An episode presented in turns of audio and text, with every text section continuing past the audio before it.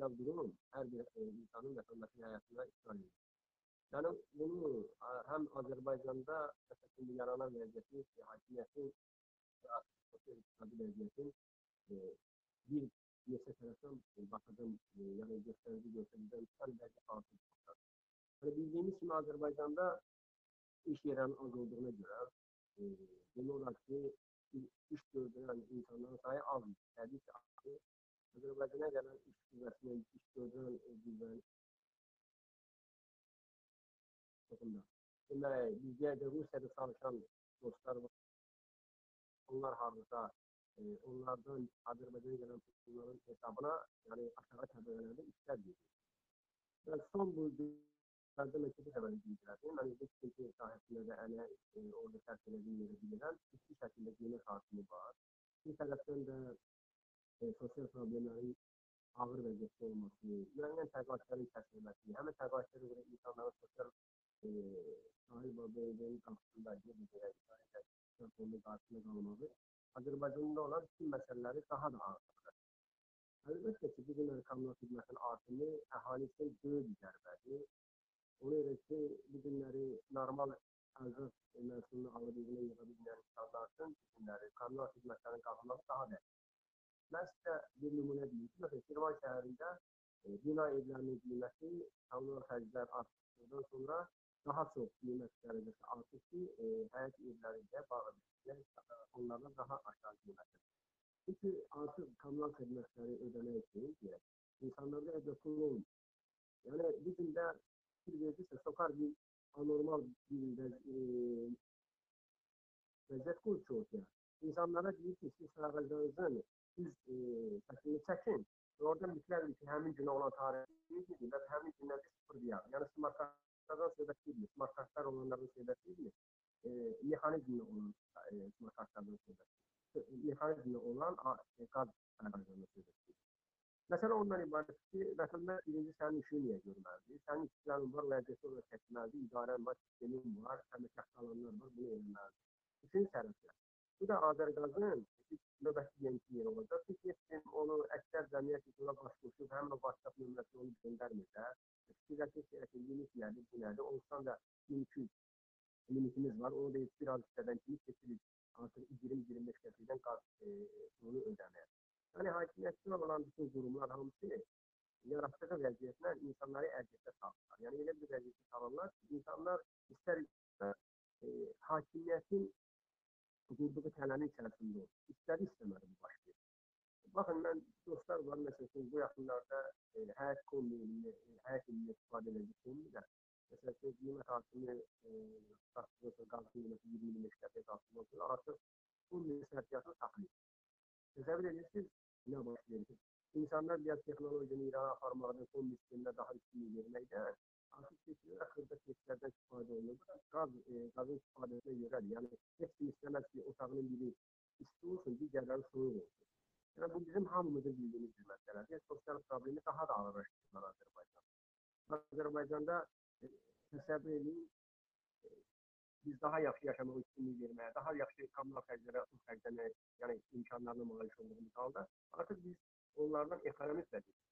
Hakimiyyət də deyir ki, e, cəmiyyət nə qədər dözür, nə qədər dözəcək, mən də evə onun qiymətini artıracağam, o tarixini tapıb yaşayacaq. Dediyim kimi, yəni ekonomiya gedirlər, qazı çıxardırlar, soğuqda qalırlar, amma sosial e, yaranan vəziyyətə etiraz eləməyə insanlar çəkinir. Yəni, bu da hakimiyyət daha yaxşı tanıdığı, o istədiyi vaxt tarixi qiyməti qaldırır, istədiyi vaxtda istədiyi edir. Bu məsələnin bir tərəfi. Sosial problemlər Azərbaycanda gördüyünüzdədir, ciddi formada şəkildə təsir edir. Təsəvvür edin, aşağı təbəqəyə yox, kasıb təbəqəni olsan da həmişə kasıb yaşayır Azərbaycanda. Əsasən orta təbəqəyə təsir edir. Azərbaycanda cüzi bir miqdarda e, sayda, cüzi bir sayda orta təbəqə var idi. Artıq orta təbəqə öz işləyir. Məsələn, ticarət obyektlərində tək e, qazın ödənişi, çörəyin qiymətinin qalxmağı, işin qiymətinin qalxmağı sadə cəmiyyətə təsir eləməm, eləmir. Bu onlara da təsir edir. Bu günləri gedib mağazadan, e, deyək ki, o e, avtomobil satılan yerlərdən aldığı e, paltarı və yaxud ki, hər hansı bir ləvazimatı gətirib satanda mağazada artıq o vətəndaşa satdığı qiymətə gedib yeni qiymətlə, təzə qiymətlə alır və bu avtomat artımına gətirib çıxarır. Yəni artıq o, o şəbəkələr də o biznesdə çıxacaq ortadan. Yəni o elə bir struktur qurublar ki, müəyyən o xırda obyektlər var idi. Onlar işləyə bilirdilər. Cəmaəti nəzərə alırdılar, missiya mallar verirdilər. Yəni rayon cəmaəti əksəriyyəti missiya mal götürməklə yaşayırlar. Yəni gedirlər produktun ərzağın ərzağını missiya götürür, evin təmir edəndə gedir, ya banka girir, gedir nağdı alır, ya da ki gedir hər, hər hansı mağazaya yazdırır, onu götürür və ümid edir ki, alacağı təqaüddən və yaxud götürəcəyi kreditdən ümumiyyətlə gedir, hansısa fəaliyyətini edib bunu geri qaytarır. Artıq o işlər bitir Azərbaycanda. Azərbaycanda artıq e, insanların işə veriləcəyi də bir mağaza qalmayacaq. Çünki artıq onun özü də ziyana gedir. Satdığı ilə gedib alacağı mal düz gəlmir. Mən bunu öz işlərimizdə də görürəm və yaxud da ki, vaxt şəxsi işləri qoyan bir tərəfə, bir kənara. Qarabağda gedən işlərdə indi gördük sosial şəbəkələrdə paylaşıldı, elədi. İnsanların gəlmək haqqını vermirlər. Mən, yəni quldurcasına, yəni istismar edirlər insanları. Mağaza şəbəkələri də hamısı ciddi formada borcun içərisində yaşayırlar. Elə qıraqdan baxanda asan görsənir ki, məsələn, mağaza işlədirlər, falan edirlər. Hamısının e, Əliyevlər ailəsinin yaratdığı biznes qruplarına hamısının borcu var. Heç kim gömrükdən qırağa gedib ölkəyə mal gətirmir. Hamı gedir bunların qoyduğu bazadan mal götürür, oradan gətirir, satır, yenə də zərbə kimə dəyir? Xırda ticarətlə məşğul olanlara bir də əhaliyə. Yəni bu qaçılmaz bir vəziyyətdir, gözümüzün önündə olan bir vəziyyətdir. Yəni bunu hamı görür, hamı həyatında hiss edir. Cəmiyyət içərisində çıxanda ən çox danışılan vəziyyət budur. Məsələn, e, çörək qiyməti qalxdıqdan sonra təbiidir ki, e, məsələn, xırda məsələn pekarlardır, mağaza sahibləridir. Birinci gün mağazalar əsasən risk eləmirdilər. Məsələn, çörəyi satmaq istəmirdilər də insanlara baha qiymətə. Yəni biraz az götürdülər, sonra səhərsi qiymət tənzimlərindən sonra artıq satmağa başladılar. Yəni bir necə deyim, ölkədə elə bir vəziyyət yaranıb ki, bütün məsuliyyət gəlib cəmiyyətdə aşağı təbəqədən üz-üzə qalır. Yəni hökumət heç bir halda cəmiyyəti fikirləşmir. Yəni fikirləşmir ki, bu günləri onu xırda e, çörək zavodlarında bişirdiyi o çörəyi yenə də o aşağı mağazalar var da, necə deyək ki, xırda dükanlar var da, onlar satıb alırlar da. Mübahisə kimin arasında yaranır? Sadə vətəndaşın mağazalar e, yaranır. Yəni hökumət bunu çox gözəl bilir ki, insanlar özü bilmirlər, dartışa dartışa, bir-birini qıra-qıra, araxırı bitər yoluna gedəcək, amma e, etiraz aksiyası olmayacaq, etiraz göstərə bilməyəcəklər, heç bir biznesmen durub deyə bilməyəcək ki, bu nə vəziyyətdir. Aşağı təbəqə ümumiyyətlə e, danışa bilmir. Çünki qorxusu var, içərisində bir rejim qorxusu var ki, yəni söz demək qorxusu. Yəni bu istədi istəmədi, kiminsə həyatında yaşayış tərzində bu təsir eləmirsə, bu qiymət artımıdır, sosial problemlərdir, qazın işığın pulun qalxmağıdır. O yaxın vaxtlarda e, çox getməyəcək. Yəni bir neçə ayın içərisində özün biruzə göstərəcək. Yəni insanın evinə nə qədər bir ehtiyacın ola bilər ki, onu sərf eləsin, bu gün yaşasın. Axı bunun savası var. Yəni e, tək bu çörəyin artmağı, bütün insanlar bu gün çörək işləyir. İnandırım sizi, qazanc bu günləri çörək pulu. Çörək pulunu normal qazanmayan insan axırı bir yol harasa bir birənəcə yer olur, hardasa bir partlayış yer olur. Yəni Bəli, onu o sualı vermək istəyirdim. Əslində sualımı ora gətirmək istəyirdim. Mən e, qeyd etmək istəyirəm ki, siz əl işləri, usta işləri ilə məşğulsunuz. Yəni mənim ən azından Azərbaycandan hardasa təxminən bir 8 ilə yaxındır Azərbaycanda artıq yaşamıram, amma ən azından xəbərim olan qədəri odur ki, ən gəlirli sahələrdən biri sayılırdı ə, e, usta işi Azərbaycanda. Yəni siz usta işi ilə məşğulsunuz və sizin gəliriniz mənim o 8 il qabaq düşüncəmə baxanda, yəni normal olmalıdır, normal qazancınız olmalıdır. Siz bununla ə, e, belə deyək, öz həyatınızı təmin edə bilirsinizmi? İndiki ə, e, şərtlərdə bu qiymətlərin qalxması olsun, digər kommunal məsələlər olsun. Bununla bağlı sizin şəxsi həyatınızda bir usta kimi bir bu belə deyək də normal qazanan təbəqəyə belə deyək, aid olan bir təbəqə kimi say sayılırdı mən ən azından bir 8 il bundan qabaq. Yəni siz bunu öz həyatınızda necə hiss edirsiniz? E, doğru sualdır Nurlan bəy. Mənim sahəm elə bir sahədir ki, yəni ora həkimlə müraciət edir, nə bilim, e, bütün şəbəkə, yəni bütün e, qurumlar harda 2000-də harda işləmə asılı olmayan hamı evin təmir etdirir, hamı evin düzəltdirir. Yəni bizə müraciətlər hər bir təbəqədən olar. Amma son bir zamanlarda o o ləngimələr var. Necə var? Mən sizə deyim, hətta işləsən belə, hər gün işləsən belə, sənin o gündəlik çıxarını, o qazandığın pul ödəmir. mən e, özüm üçün götürürəm, mən tək işləmirəm ki. Məsəl üçün Şirvanda bir dənə yanında bir fəhlənin işləməyi hökumət topunu ona vermir. 250 manat minimum əmək haqqı verir. Amma biz kənd iş işlədəndə gününə 10 manat, 15 manat minimum ona pul hesablayırıq. Məsələn, Bakının özündə 30 manat, 40 manat hesablanır şəxsi işlərdə bizim fəhlə işləyən insanların da məsələn. İndi həmin işlər dayanıb. Mən şəxsən sonuncu işimi təhvil verilən vaxtı mən öz cibimdən ziyan etmişəm. Mən 3 ay işlədiyim yerdən pul götürə bilməmişəm. Çünki niyə götürə bilməmişəm? Ancaq mənim işçimin pulunu ödəyir bu. Əlavə kommun. Mənim repetitor, mənim uşağım 170 manat ayda elə mən heç bir iş görməsəm, yemək yeməsəm belə, onun aylıq məktəb müəllim pullarının hazırlıq pullarıdır. Yəni təbii ki, onu çıxartmayacaq. Mən aya gərək 1500-2000 pul qazanam ki, həmin puldan yaxşı normal kommunal xidmətə istifadə edən repetitor yanına uşağımı yaxşı hazırlasam, ondan sonra işlədiyim vaxtı biləklərimin xarab olması var. Ona yeni xərclər qoyam ortaya, amma onların heç birini bu günləri çatdıra bilmirəm. Yəni kimsə də desə ki, ay belə nə bilim hamı şey əladır, mən bunu çatdırıram. İnan inanılması məsələ deyil. Çünki mənim özümün də kifayət qədər e, dairəm var. Yəni iş qabiliyyəti görə biləcək insanlar var ki, mən neçə illərdir onlarla işləyirdim. Artıq görürəm onlarda iş qüvvəsi tükənir. İş qüvvəsi nəyə görə tükənir? Yəni indi artıq bir ev təmir edir, ikinci dəfə istəmir onun üzərinə xərc etsin. Amma 5 il, 6 il bundan qabaq istəyirdi ki, vurulan divar kağızı yenidən dəyişilsin, təzəsi vurulsun. Artıq heç kim istəmir əlavə xərclər edəsin. Vəziyyət çox ağır olduğuna görə də e, elə belə şeydən e, ortaya gəlmir. Maliyyə hesablarının tikməsi demək. Aydındır bəy. E, siz etirazlardan danışdınız. Bu gün e, artıq ölkənin də, elə dünyanın da demək olar ki, gündəmi e, Qazaxstandakı etirazlara köklənib. Qazaxstandakı etirazların kökü də bir belə deyək Azərbaycan gündəmi ilə bağlıdır. Yəni oradakı etirazlar da kommunal xərclərin ə, e, artıq dərəcədə artırılması ilə bağlı oldu, ə, e, qiymətlər qaldırıldı və xalq artıq buna etiraz eləməyə başladı.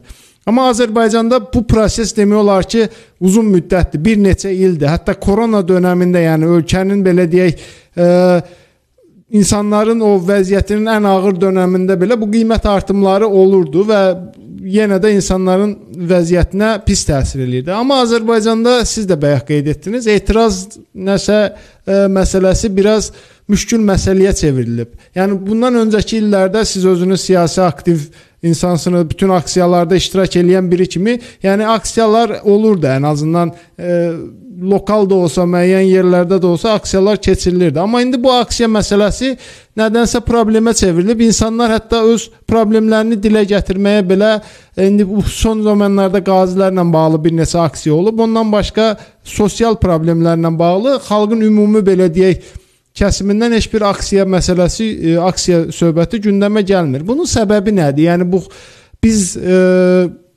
yəni belə biraz pis çıxacaq. Qazaxlardan əksik bir xalqmıyıq, yoxsa nə nədən bu səbəb var ki, ən azından biz bu etiraz aksiyaları baş tutmur ki, çünki Qazaxstanda gördük ən azından. Hal-hazırda vəziyyət pis də olsa, etiraz aksiyaları zamanı hakimiyyət geri addım atmağa məcbur oldu. Qiymətləri yendirdi, hökumət istefaya getdi. Yəni görünən odur ki, etirazlar nəticə verdi orada. Amma burada təbii ki, xalq e, daha demokratik bilir ki, bu xalq e, orada da xalq yəqin ki, xəbərdardır ki, etirazlar bu gün sakitləşəcək. Müəyyən müddət sonra yenə hakimiyyət eyni məkirli e, fikirdə olduğuna görə yenə eyni qiymətlər qalxacaq.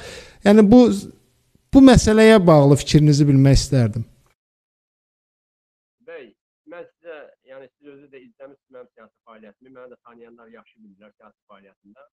2003-cü ildə Musavat Partiyası üzvüyəm. 2003-cü ildə Musavat Partiyası üzvü olanda razılaşdırılmış və razılaşdırılmamış mitinglərdən hamısında e, iştirak eləmişəm və belə götürək. E, təsadüfi haldan ola bilər ki, hər hansı bir problemlə əlaqədar da indi nəsə baş verib, mən orada iştirak edə bilmərəm. O da təsadüfi yüzdə bir olar. Mən hələ 1 dekabrda e, Salih Rüstəmli üçün e, təşkil olunan aksiya var idi də. Mən orada iştirak eləməmişdim, özümü çox eləmişəm. Çünki mən siyasi məhbus olmuşam. Siyasi məhbus olan insan siyasi məhbusun həyatını daha çox gözəl başa düşür. Təəssüflər olsun ki, Azərbaycanda heç kimin vecinə deyil ki, Əl-Kiram siyasi məhbus oldu, ya e, Salih Rüstəmzadə orada nə edir? Vecinə də necə? Ancaq qeybət eləyir və durur Facebookda bir əladır, düzdür, hə, düz deyirsiniz, belə olmaz. Yəni görüb görüşəndə deyirlər, düzdür, belə olmaz. Yəni bu da bura qədər var, amma hərəkətə keçəndə yoxdur. Amma 15-də mən orada iştirak elədim və borc bilirdim mən orada işləmək iştirak eləməyə. Çünki siyasi məhbusdur, Qarabağ qazisidir. Mən bunu deyim sizə. İsa bəyə bir dəfə 2003-cü ildə sual verdim bu meydan. Mən təsəvvür edin 2003-cü ildə meydanı dağıdıblar, əzilmişəm orada.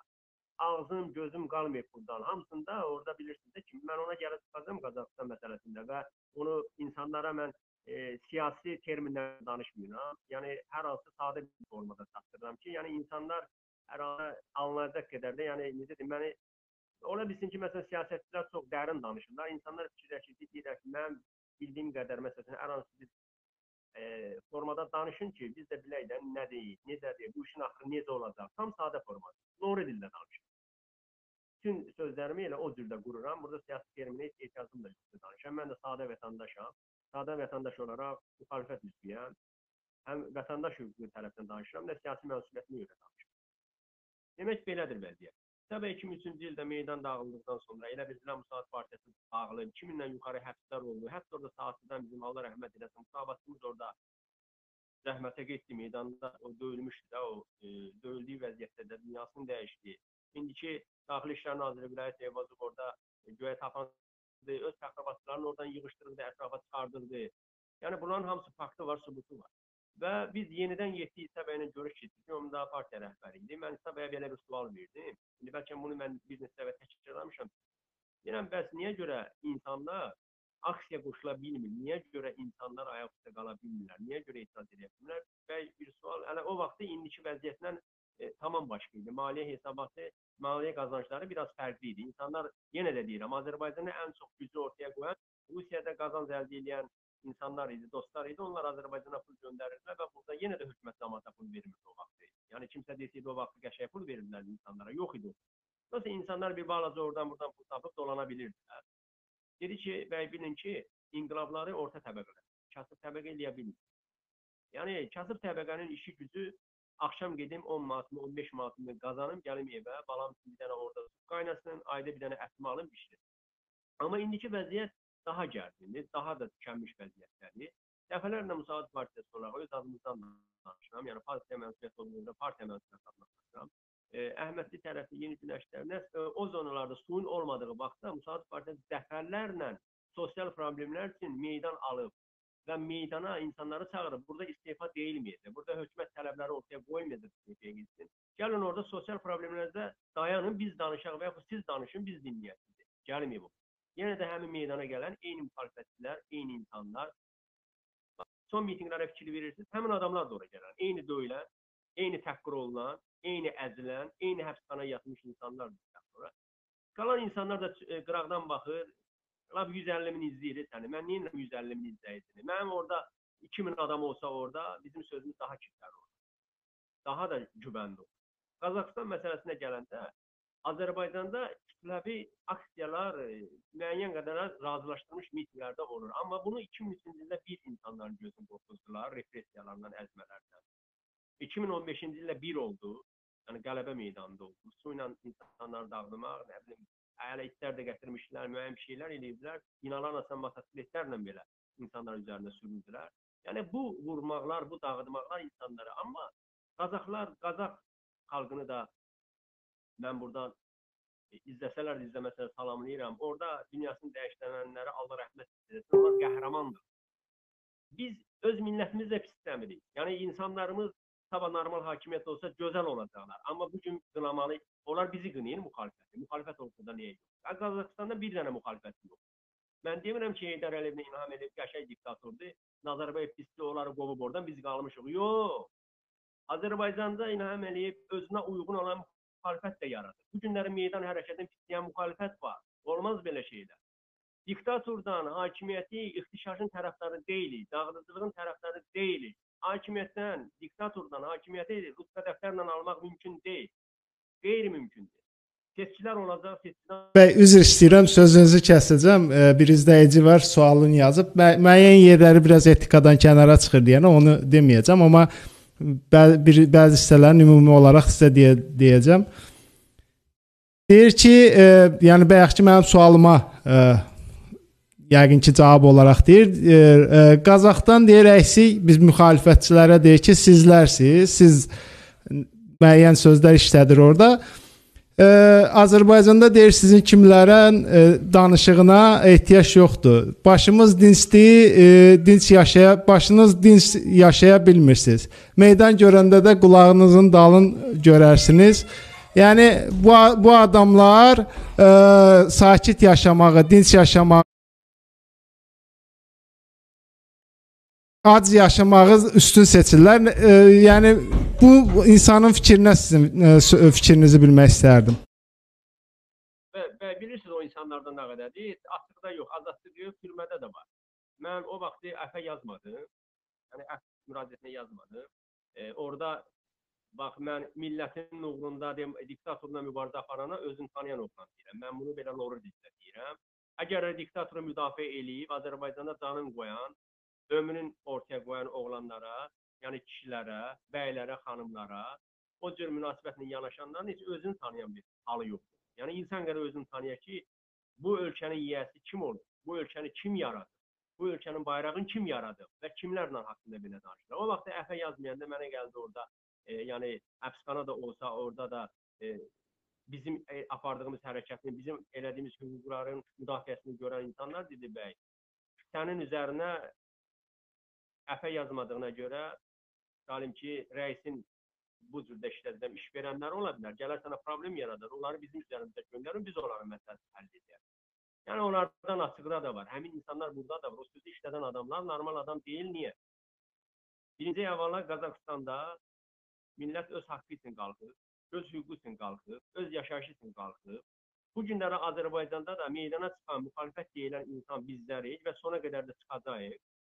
Bu aynə bilim bizim meydana çıxacaq heç nə bizə alınmayacaq, yəni İlham Əliyev dəyişməyəcək. Bu yanlış bir fikirdir. Qazaxstanda olan proseslərə aynə bilim Rus gəldi orada Qazaxları vurdu, dağıtdı. Bunun axırı yaxşı olmayacaq Qazaxlar üçün. Bu da yanlış fikirdir. Qazaxlar qalib millətdir. Qalibiyyət də qazandılar. Mən yenə də deyirəm, 2003-cü il meydanda olan adam kimi deyirəm, insan kimi deyirəm, müxalifətçi olaraq deyirəm. Siyasi partiya mənsubiyyəti olduğumu e, daşımışam. 25 yaşımda Gəncə təşkilatının sədri olmuşam, həmin vaxtı meydanda olmuşam, deyirəm və bilsinlər. Azərbaycanda aksiyaların içərisini dağıdan, ixtişaşları salan Azərbaycan hakimiyyətinin öz nümayəndələri olub. Öz nümayəndələri olurlar. Mən şəxsən böyrümdə polisə öz vəsiqəsini görsədən mülki geyimli adamlar görmüşəm. Biz heç kimi ixtişaşa aparmamışıq. Həmin meydanda e, polis maşının üzərinə atlanıb düşən həmin o e, hakimiyyətin qulları olublar. Onların e, yol göstər e, necə deyər, əlaltıları olublar. Şüşələri sındıran onlar olublar. Onların heç biri mühakimə olunmaz. Mühakimə olunan video kadrlarda görsəndiyi kimi heç nəyə əlin vurmayan müxalifətçilər olublar. Müxalifətçilər olublar və onlar orada həbs olunublar. Yəni şərləniblər, böhtanlanıblar, e, həbs olunublar. Bu məsələnin bir tərəfi. Xalqın meydana çıxmağı məsələsinə gəldikdə, yenə də deyirəm, təsəvvür edin bu günləri Araz Əlzadə İlham Əliyevin e, şey, e, nəyindən danışır? Demək, bütün e, ölkədə olan monopoliyanı ələ keçirməyindən danışır. Təsəvvür edilən bu insan vaxtı ilə e, Azərbaycan müstəqilinin əleyhinə səs verən insanlardan biri olub. Yəni deməyim nədir? Azərbaycanda tək o deyil də, yəni elə insanlar var. Bu gün də təsəvvür edirsiniz Qazaxlarla biz heç vaxt yenə bizim millət çox yüksək millətdir. Biz onu yaxşıların ayırırıq. Pisi var. Pisi mənim üçün heç kimdir. Bilirsin niyə görə? Mən bu günləri yaşayışıma o mane olur. O danışırlar, müxalifət çıxdı, neynədi, nağardı, heç nə ala bilməyəcəklər. Mən bir il altı övladımın üzünü görməyəndə o evində rahat oturub İlham Əliyevin şeylərinə baxıb, televiziyada çıxışlarına baxıb. Nə bilim ona tərif verir. O insanlar bizim həyatımıza, cəmaatın, sadə cəmaatın yaşayışına mane olan insanlardır. Qazaxstanda da baş verən hərəkatı üstünə kölgə salan insanlar burdadır. Öz ölkəsinin problemindən danışmır, Qazaxstanın probleminə gedir, e, müdaxilə edir. Qazaxstan Qafqazda bu günləri Rusiya güc göstərən olan millət.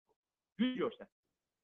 Təsəvvür edin. Yenə də deyirəm, bizim mitinqlərdə Dubinka qalxana dəyəndə böyrə baxsan adam qalır. Mən başa düşmürəm. Yəni qalxana dəyər. Baxın, bu sözlərin üstündən müxalifət çıxır, belə olacaq, belə olacaq deyən adamlar ki, ümumiyyətlə Tofiq bəy Yanqulunun 1 dekabrda döyülmə vəziyyəti Azərbaycan hakimiyyətinin üz qarası qaralığı idi, reçesminə məşğul. Təsəvvür elə, Qazaxıstanın özündə də kriminal naləmi gətirib salmışlar miting içərisində. Yəni müəyyən bir şeylər yaradmışdılar ki, xaos falan, insanlar baxanda görüntü başqa olsun. Bunu İlham Əliyev deyil Azərbaycan. Azərbaycan müxalifəti evlə axılsız bir müxalifət deyil, əsl müxalifətdən gedir. Azərbaycan müxalifəti heç vaxt milləti iftişaşa aparmaz.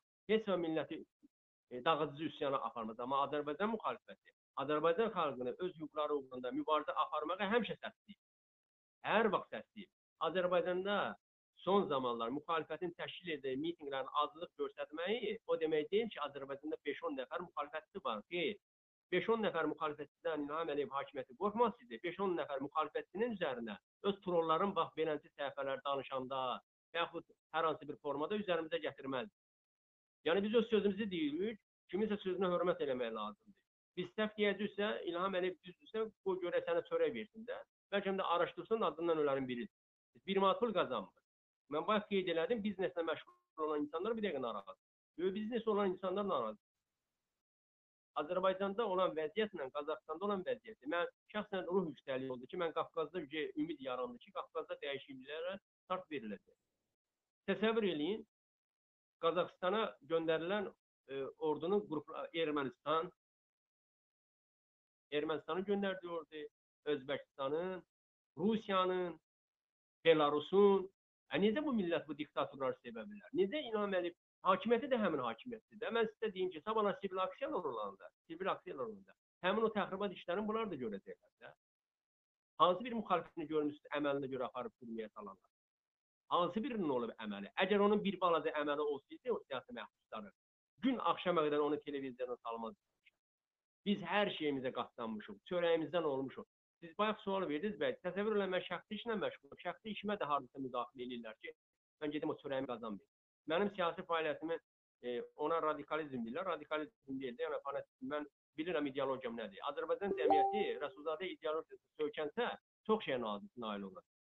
Elçibə ideologiyasına söykənsə, çox şeyə nail olacaq. Yəni boş ideologiya olmaz. Boş ideologiya ilə heç nə dəyişmək, heç nə gözləmək mümkün deyil. İdeologiyan olmayacaq, əziləcəksən, sınacaqsan, satılacaqsan. İdeologiyan olacaq. Sən döyülə bilərsən, sən təhqir oluna bilərsən, sən həbs oluna bilərsən, amma mənəviyyatın sınmayacaq qətiyyən sınmayacaq. Mən Azərbaycan xalqının, yəni ki, mübariz xalq olmağına mən əminliklə əminəm. Əminəm ki, bu prosesdə belə davam eləməyəcək. Baxın, siyasi proseslərə cəmiyyətə elə bir e, yol qoymayıblar ki, o cəmiyyət siyasi proseslərlə məşğul olsun. Sovet dövrü yazıda gəlir, qırmızı kraskanı düzəldirdilər, hindi kinolar çəkirdilər, cəmaət ona baxırdı. Məsələn, klubdan çıxandan hamı Jimmy kimi gəldi. Sonra nə bilim başladı o biri filmlər, indi də seriallar qoyublar ora. Cəmaət atı seriala baxır. Nə bilim serialdan götürdüyü nə olacaq orada? O telekanallar nə olan şeydir ki, o cəmiyyətə bir hansısa bir anlayış versin, siyasi anlayış versin. Mənim bir qohumum var, sual verir ki, e, Səqənbər niyə efirə ki, televiziya çıxmır? Deyir, o televiziya çıxsa 2 saatdan sonra Azərbaycanda inqilab baş verir. Hansı siyasi müxalifətin lideri çıxsa ki, televiziya, yəni Azərbaycan telekanallarına, cəmiyyətlə 2 saat danışsa Azərbaycanda inqilab baş verir. Onu da buraxmaz. Buraxmayacaqlar. Diktatura rejimidir. Elə e, söhbət onunla gedir ki, baxın, Azərbaycan, Qazaxstanda müxalifətin olmamağı təsəvvür elə. Yəni xaricdə indi onlar həbsdə olanı var, xaricdə olanı var. E, cəmiyyətin o deyildi ki, o ixtişaşa getmək, terror. Orada heç bir terrorla məşğul olan bir dənə nümayəndə yox. İnsanlar sivil formada etiraz edir. Rusiya agenturası kimi əzlaf agentura mən tanımıram. Mən bunu açıq deyirəm. Azərbaycanın ən böyük təhlükəsi odur ki, Rusiya milli insanlarda çoxdur. Baxın, mən sizə bir qeyd edim. 2015-ci ildə devalvasiya vaxtı, devalvasiya vaxtı nə baş verdi? Devalvasiya vaxtı o baş verdi ki, fikir verin, e, bəy, bəlkə də siz də o vaxtı prosesləri 100% izləmisiniz. Mən də onu diqqətlə izləmişəm. Analiz eləməyi mən xoşlayıram. Köhnə, təzə, orta e, tarixdə olan Azərbaycanda prosesləri. Təsəvvür edin, e, devalvasiya ilə əlaqədar nə etmişdilər? Yəni qiymət artımı ilə əlaqədar, nə bilim, dolların qalxmağı ilə əlaqədar cənubla şimalda bunlar e, etiraz aksiyası hökumət təşkil eləmiş. Necə təşkil eləmişdir? Azərbaycanın siyasi aktivləri tutmaq, həbs eləmək, ora cəlb olunacaq insanları götürmək, orada da aparmışdı, orada xüsusi təyinatlar da aparmışdı. Çünki niyə? E, cənubda da təhlükəli vəziyyətdir. Yəni cənub İrana yaxındır. Şimal Rusiya yaxındır. Azərbaycanın deyək ki, mil muğam zonasında heç bir aksiya baş vermədi. Yəni e, bilirsiniz də, bax bu gün çörək artımı ilə əlaqədar məsələn bir dənə çörək zavodu yandırılmışdı da. Yəni o mənasız bir şeydir çörək, çörək zavodunun yandırılması. Hələ orada da müəmma yarana bilər ki, çörək zavodunun, çörək zavodu necə olub yandırılıb? Ola bilsin ki, Azərbaycanda da gözlənilən o insanların qalxması olarmış. Elə bunlar bir, bir başdan bu addımı ata bilərlər. İstənilən təxribat eləyir. İstənilən təxribat eləyə bilərlər ki, Azərbaycan cəmiyyəti ayağa qalxmamış. Qazaxstanda onun ikinci nüansını da elədilər. Yəni Qazaxstanda xalq etirazı idi. E, Tokayev görün nə qədər hayasız adam ki, deyir ki, mən əmr verdim, heç bir ə, xəbərdarlıq atış olmadan cəmaata atış atır. Bu biabırçı bir vəziyyətdir. İndi gəlib bu müxalifət nə edəcək, o birisi nə edəcək? Çox eləyəcək. Elə düşünməsinlər ki, heç nə eləməyəcək. Biz sivil yolla, hüquqi formada, dinc aksiyalarla biz bu hakimiyyəti dəyişməyə nail olacağıq. Sadəcə ölkədə Qafqazda olan proseslər hələ biraz gecikməlidir. Mən məsələn Amerikanı da, Avropanı da dinləyirəm. Məsələn bizə deyir, siz Avropanın, Amerikanın adamlarsınız. Vallahi indiki zo- vaxtda Amerika, Avropanın o siyasi istiqamətini götürməyə Rusiya kimi bir dənə e, necə deyim, vallahi mən onu açıqlı psixoloji xəstəliyi olan Putinin siyasətini götürməkdə min dəfə yaxşı. Min dəfə yaxşı. Pislərin içində pislərin içində ən yaxşısını seçmək lazımdır. O pislərin içində də, yəni ən yaxşısı Avropa, Amerika sayılır hal-hazırda. Ən azından insanların fikrinə, demokratik düşüncəsinə az da olsa belə deyək hörmət eləyən bir cəmiyyətlər var burada. E, Təbii ki, bəli. Məsələn, indi biz deyirik ki, məsələn, cəmiyyət belə dedirsə, cəmiyyətin çoxluğu bunu deyir. Niyə görə məsələn Qərb Avropa, Azərbaycanda İlham Əliyevi dəyişir? Təbii ki, cəmiyyətin də burada bir rəis dəyi olmalıdır, amma heç kimdə gəlib bizim yerimizdə heç nə dəyişməyəcək. Biz özümüz olmalıyıq. Biz zaten ki özümüz olacağıq. Özdə biz niyə görə ya Amerikadan, ya Rusiyadan, ya Qərbdən asılı olan ölkə olmalıyıq? Biz normal sivil ölkəyə çevrilməliyik ki, onlar bizimlə gəlib əlaqə qurasın. Biz onlara niyə yalvarırıq? Biz cəmiyyəti qurmalıyıq. Baxın, siyasi proses olur, cəmiyyət e, deyir ki, onsan da qutudan falan kəs çıxacaq, niyə gedir? Yaxşı, biz axı biz seçki keçir, bilir saxtalaşdırılır bu seçki. Saxtalaşdırılandan sonra hər hansı bir formada biz e, e, sivil mitinqlər təşkil edə bilərik. Həmin səslərin qorunması üçün. Bu təsəvvür edin ki, bax nüanslara fikir verin. 2003-cü il, 2015-ci il, 2015-ci il, 2003-cü il hadisələrindən bəri Azərbaycanda e, proseslər dayanmır. Bu neçə ilin o hakimiyyət zədələnə zədələnə gedir. Artıq görün nə qoydular ortaya. Demək məmura siqnal vermə, məmurların həbsləri başladı. Məmurların həbsi başladı.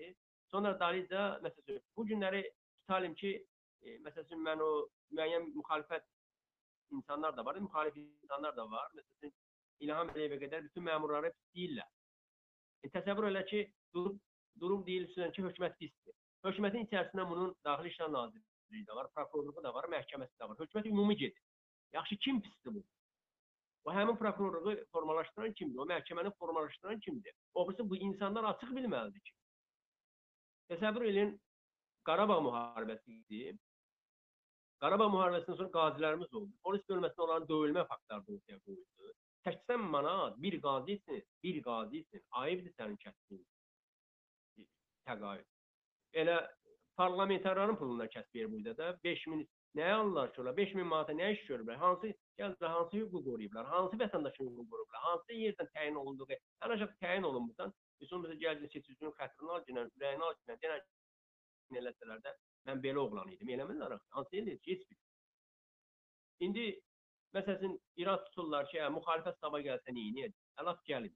Hə, yaxşı gəlin. Mən də müxalifətin bir nömrə bir üzvüyəm də. Mən də həmin o qazın limitinə görə əziyyət çəkirəm, sən də o əziyyət. Müxalifət deyəndə xalqdır da, müxalifət başqa bir adı yoxdur ki. Bəli, dib müxalifəti olacaqsansa, sən heç müxalifət sahibisən. Sən hakimiyyətin bir qolusan. Onu başa düşürük o Yəni ən azından yoxlamaq olar da, yəni ən azından yoxlamaq olar. Məsəl üçün Ukraynada səhv eləmirəmsə 8 ildə yoxsa neçə ildə 4 dəfə inqilab oldu. Yəni gətirdilər prezident seçdilər, adam idarə eləyə bilmədi, yendirdilər, başqa birisini gətirdilər. Yəni müxalifəti gətir. Əgər idarə eləyə bilməsə, sənin fikirlərini, sənin istəklərini yerinə yetirməsə, endir aşağı yenə İlham Əliyevi gətir. Də sən bir hələ bir yoxla, bir müxalifəti yoxla, onların bir fikirlərini dinlə, ondan sonra bir qərar vermək lazımdır ki, bunlar acdır, gəlib yeyəcəklər, yoxsa elə bunlar səni doyuzdurmaq üçün, səni yedizdirmək üçün gəlir hakimiyyətə. Təsəvvür edin, bə- həmin o e, bu söhbət etdiyimiz məqamlardan cəmiyyət içərisində də olur da. Məsələn, belə bir fikir formalaşır. Deyirəm ki, sabahları lap biz gəldi hakimiyyətə. Lap AXDP gəldi, Musabat gəldi, ya digər partiya gəldi. də indi fərq eləmir ki elə. İndi ümumiyyətlə ə- hər hansı bir partiyanın hakimiyyətə gəlməyi, ondan da seçkilər bu gün də olmasa, inqilabla da hakimiyyət dəyişsə, nə bilim, mitinqlərlə hakimiyyət dəyişsə, ölkədə normal seçki keçirsə. Və insanlar onda o seçkiyə gedə bilərdi. Normal seçkidən söhbət gedir. Yəni Əliyevlər rejimi vaxtı mümkün dörd seçki keçirir. Mümkün deyil. Yəni satın alarlar adam. Satın alarlar, amma o seçkini sənə normal forma verməz. Yəni Sabah Müsavat Partiyası gələcəksə, elə öz partiyamız adına da qeyrisindən danışmıram. Sabahlar o bizim şərtləri, yəni xalqın qoyduğu şərtləri yerinə yetirməyəcəksə, ona qarşı da mübarizə aparır. O demək deyil ki, sabahları gələcək müxalifət elə istədiyi elə bundan da pisin elədi, elə sən durub ona dözməlisən. Fakt bunu dəyişirlər. Gör kim gəlir. O xoşuna gəlməyəcək onu dəyişir. Məsələn, Rusiyanın çox güvənirlər. Məsələn, Putin öz diktatorlarını təyin edən diktatorları qoyur. O da orada da qüsurlu fərqlər var. Məsələn, Tokayevlə şey Nazarbayevi müqayisə edirlər ki, Nazarbayev Rusun adamıdır, Tokayev daha yaxşı Rusun adamıdır. Yanlış fikirlər bu. E, Rusiyanın fikir verin, e, Lukashenko Lukashenko Kutman dəyişəndən sonra e, Yushchenko gəldi də hakimiyyət. Sonra ondan sonra o birisi nə idi? O prezident gəldi təzədən ora. Yəni yadıma düşsün. Yushchenko Rusiyanın adamı gəldi orada. Tymoshenko yox, Tymoshenko'dan Tymoshenko yox. E, nə idi onun adı? Həmin o prezident təzədən Ukrayna xalqı dəyişəndən sonra adı yadıma düşsün deyəcəm, yəni fikrimdən yayındadır. Ümumiyyətlə getdi, oturdu, yoxa çıxdı. Heç Rusiya onun arxasında durmadı. Putin onun arxasında durmadı. Suriyadakı döyüşlərə fikir verin, atıb qaçırlar. Yəni Rusiya etibarlı ölkə deyil. Öz generalların samolyotda vurublar, Polşanın prezidentini vurublar. Min dənə oyun çıxardıblar. Ukraynada özləri öz e, götürüblər baraklarda insanları yandırıblar, Nemis formasında, nə bilim o formada nifrət oynadıblar ki, təxribatların başında durur Rusiya hakimiyyəti. Rusiya hakimiyyəti necə ona qarşı loyal olmalı? Necə imperiya? Biz Rus xalqı ilə nə başqa bir xalqlarla problemimiz yoxdur. Qonşuluq münasibətlərimizin gözəl bir formada olmasını istəyirik. Heç bir millətlə problemimiz yoxdur. Söhbət imperiyadan gedir. Navalnyini Rusiya Putin nə günə qoyub orada? Türmədən çıxıb. Saakashvilinin gününə baxın. Görün nə edirlər şey Gürcüstanda. Bunlar hamısı, bunlar hamısı Rusiyanın e, nəzarəti altında olan bir şeylərdir. 2003-cü ildə Lışkov idi. Gəlirdi Azərbaycanda seçki planlarını sızırdı. Əliyevlər hakimiyyəti otuzdururdu və gedirdi. Onunla hansı bir yerdə demək ki, Rusiyanın əli olmuyor. Azərbaycan bax deyirik biz. Görün millət nədir? Belə bir forma. Qazaxstana yenə də xalq etirazı qalxandan sonra Rusiya birləşmiş formada ordu yeritdi. Yenə də silahlı üsyan elədi. Bizdə təhlükəyə baxın. 10 noyabr bəyannaməsindən İlham Əliyev gətirib 7000 qoşunu yığıb ağzımızın içərisində. Ehtiyac yoxdur. Sabahları Azərbaycanda tip formada Azərbaycan xalqının özünün istəyi hansı bir formada ayağa qalxıb qalsa, onlar mülki geyimdə gəlib böyük bir təxribatlara yol verəcəklər. Onu düşünür Azərbaycan hakimiyyəti.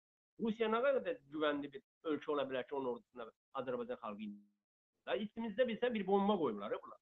Qarabağ məsələsi gedib, yoxdur. Qarabağ məsələsini həll edə bilməyib.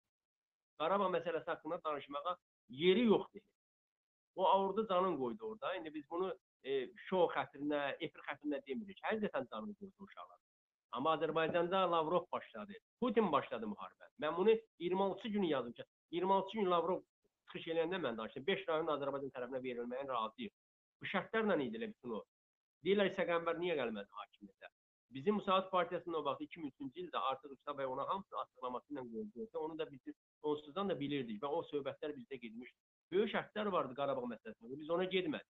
Biz xalqı neftini, obrusunu, bubursunu aparıb Amerikalılara, İngilisə, nə bilim, götürüb ruslara yedizdirmədik.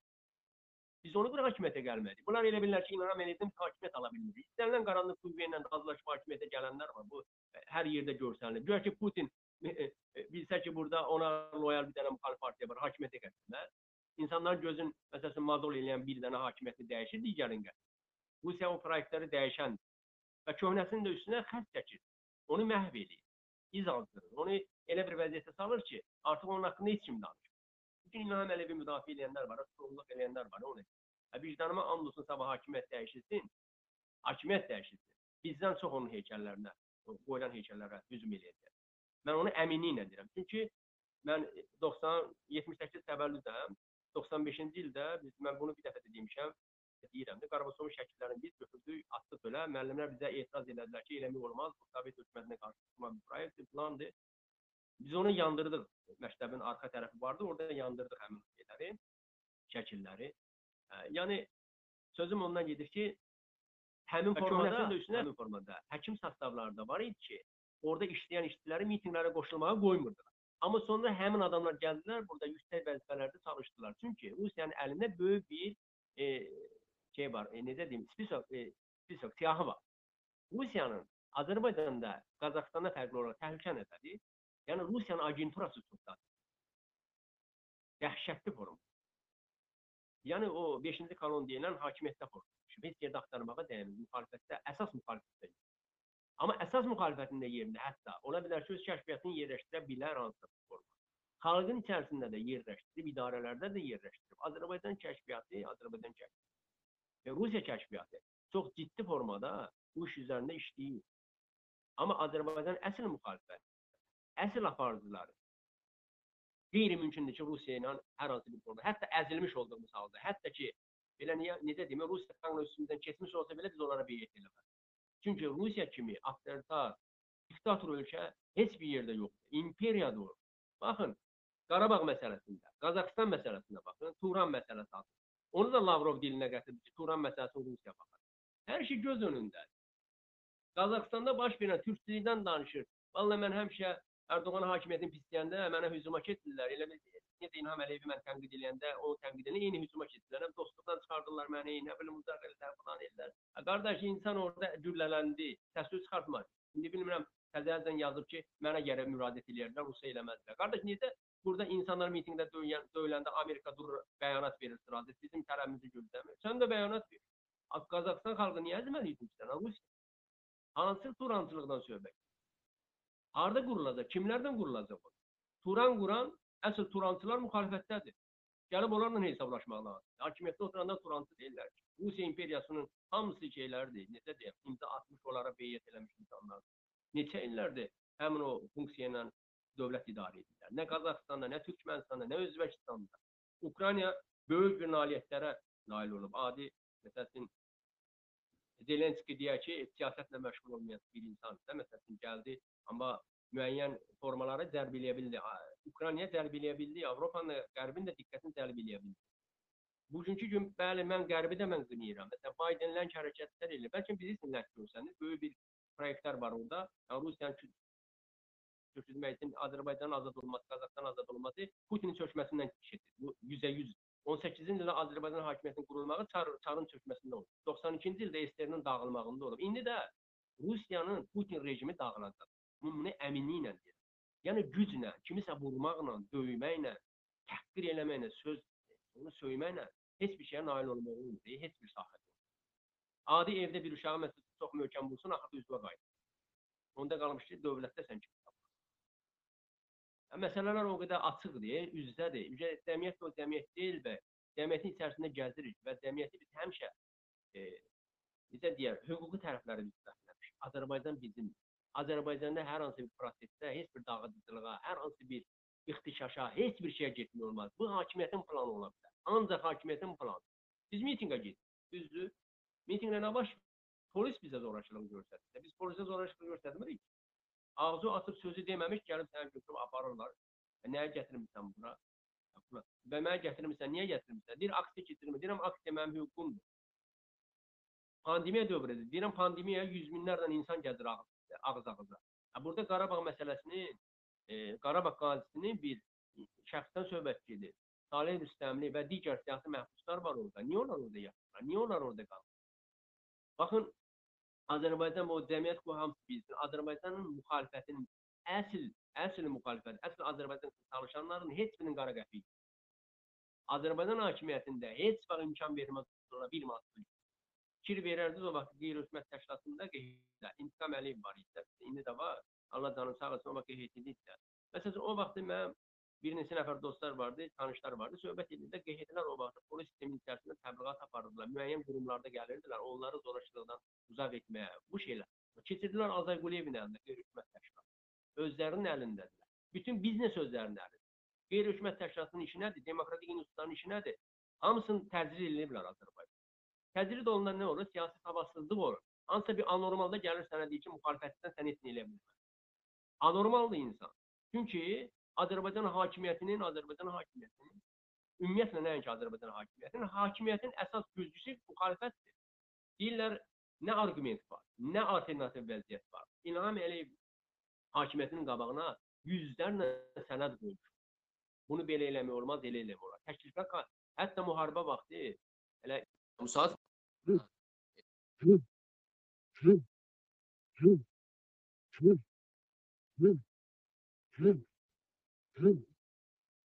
buna diqqətli olun.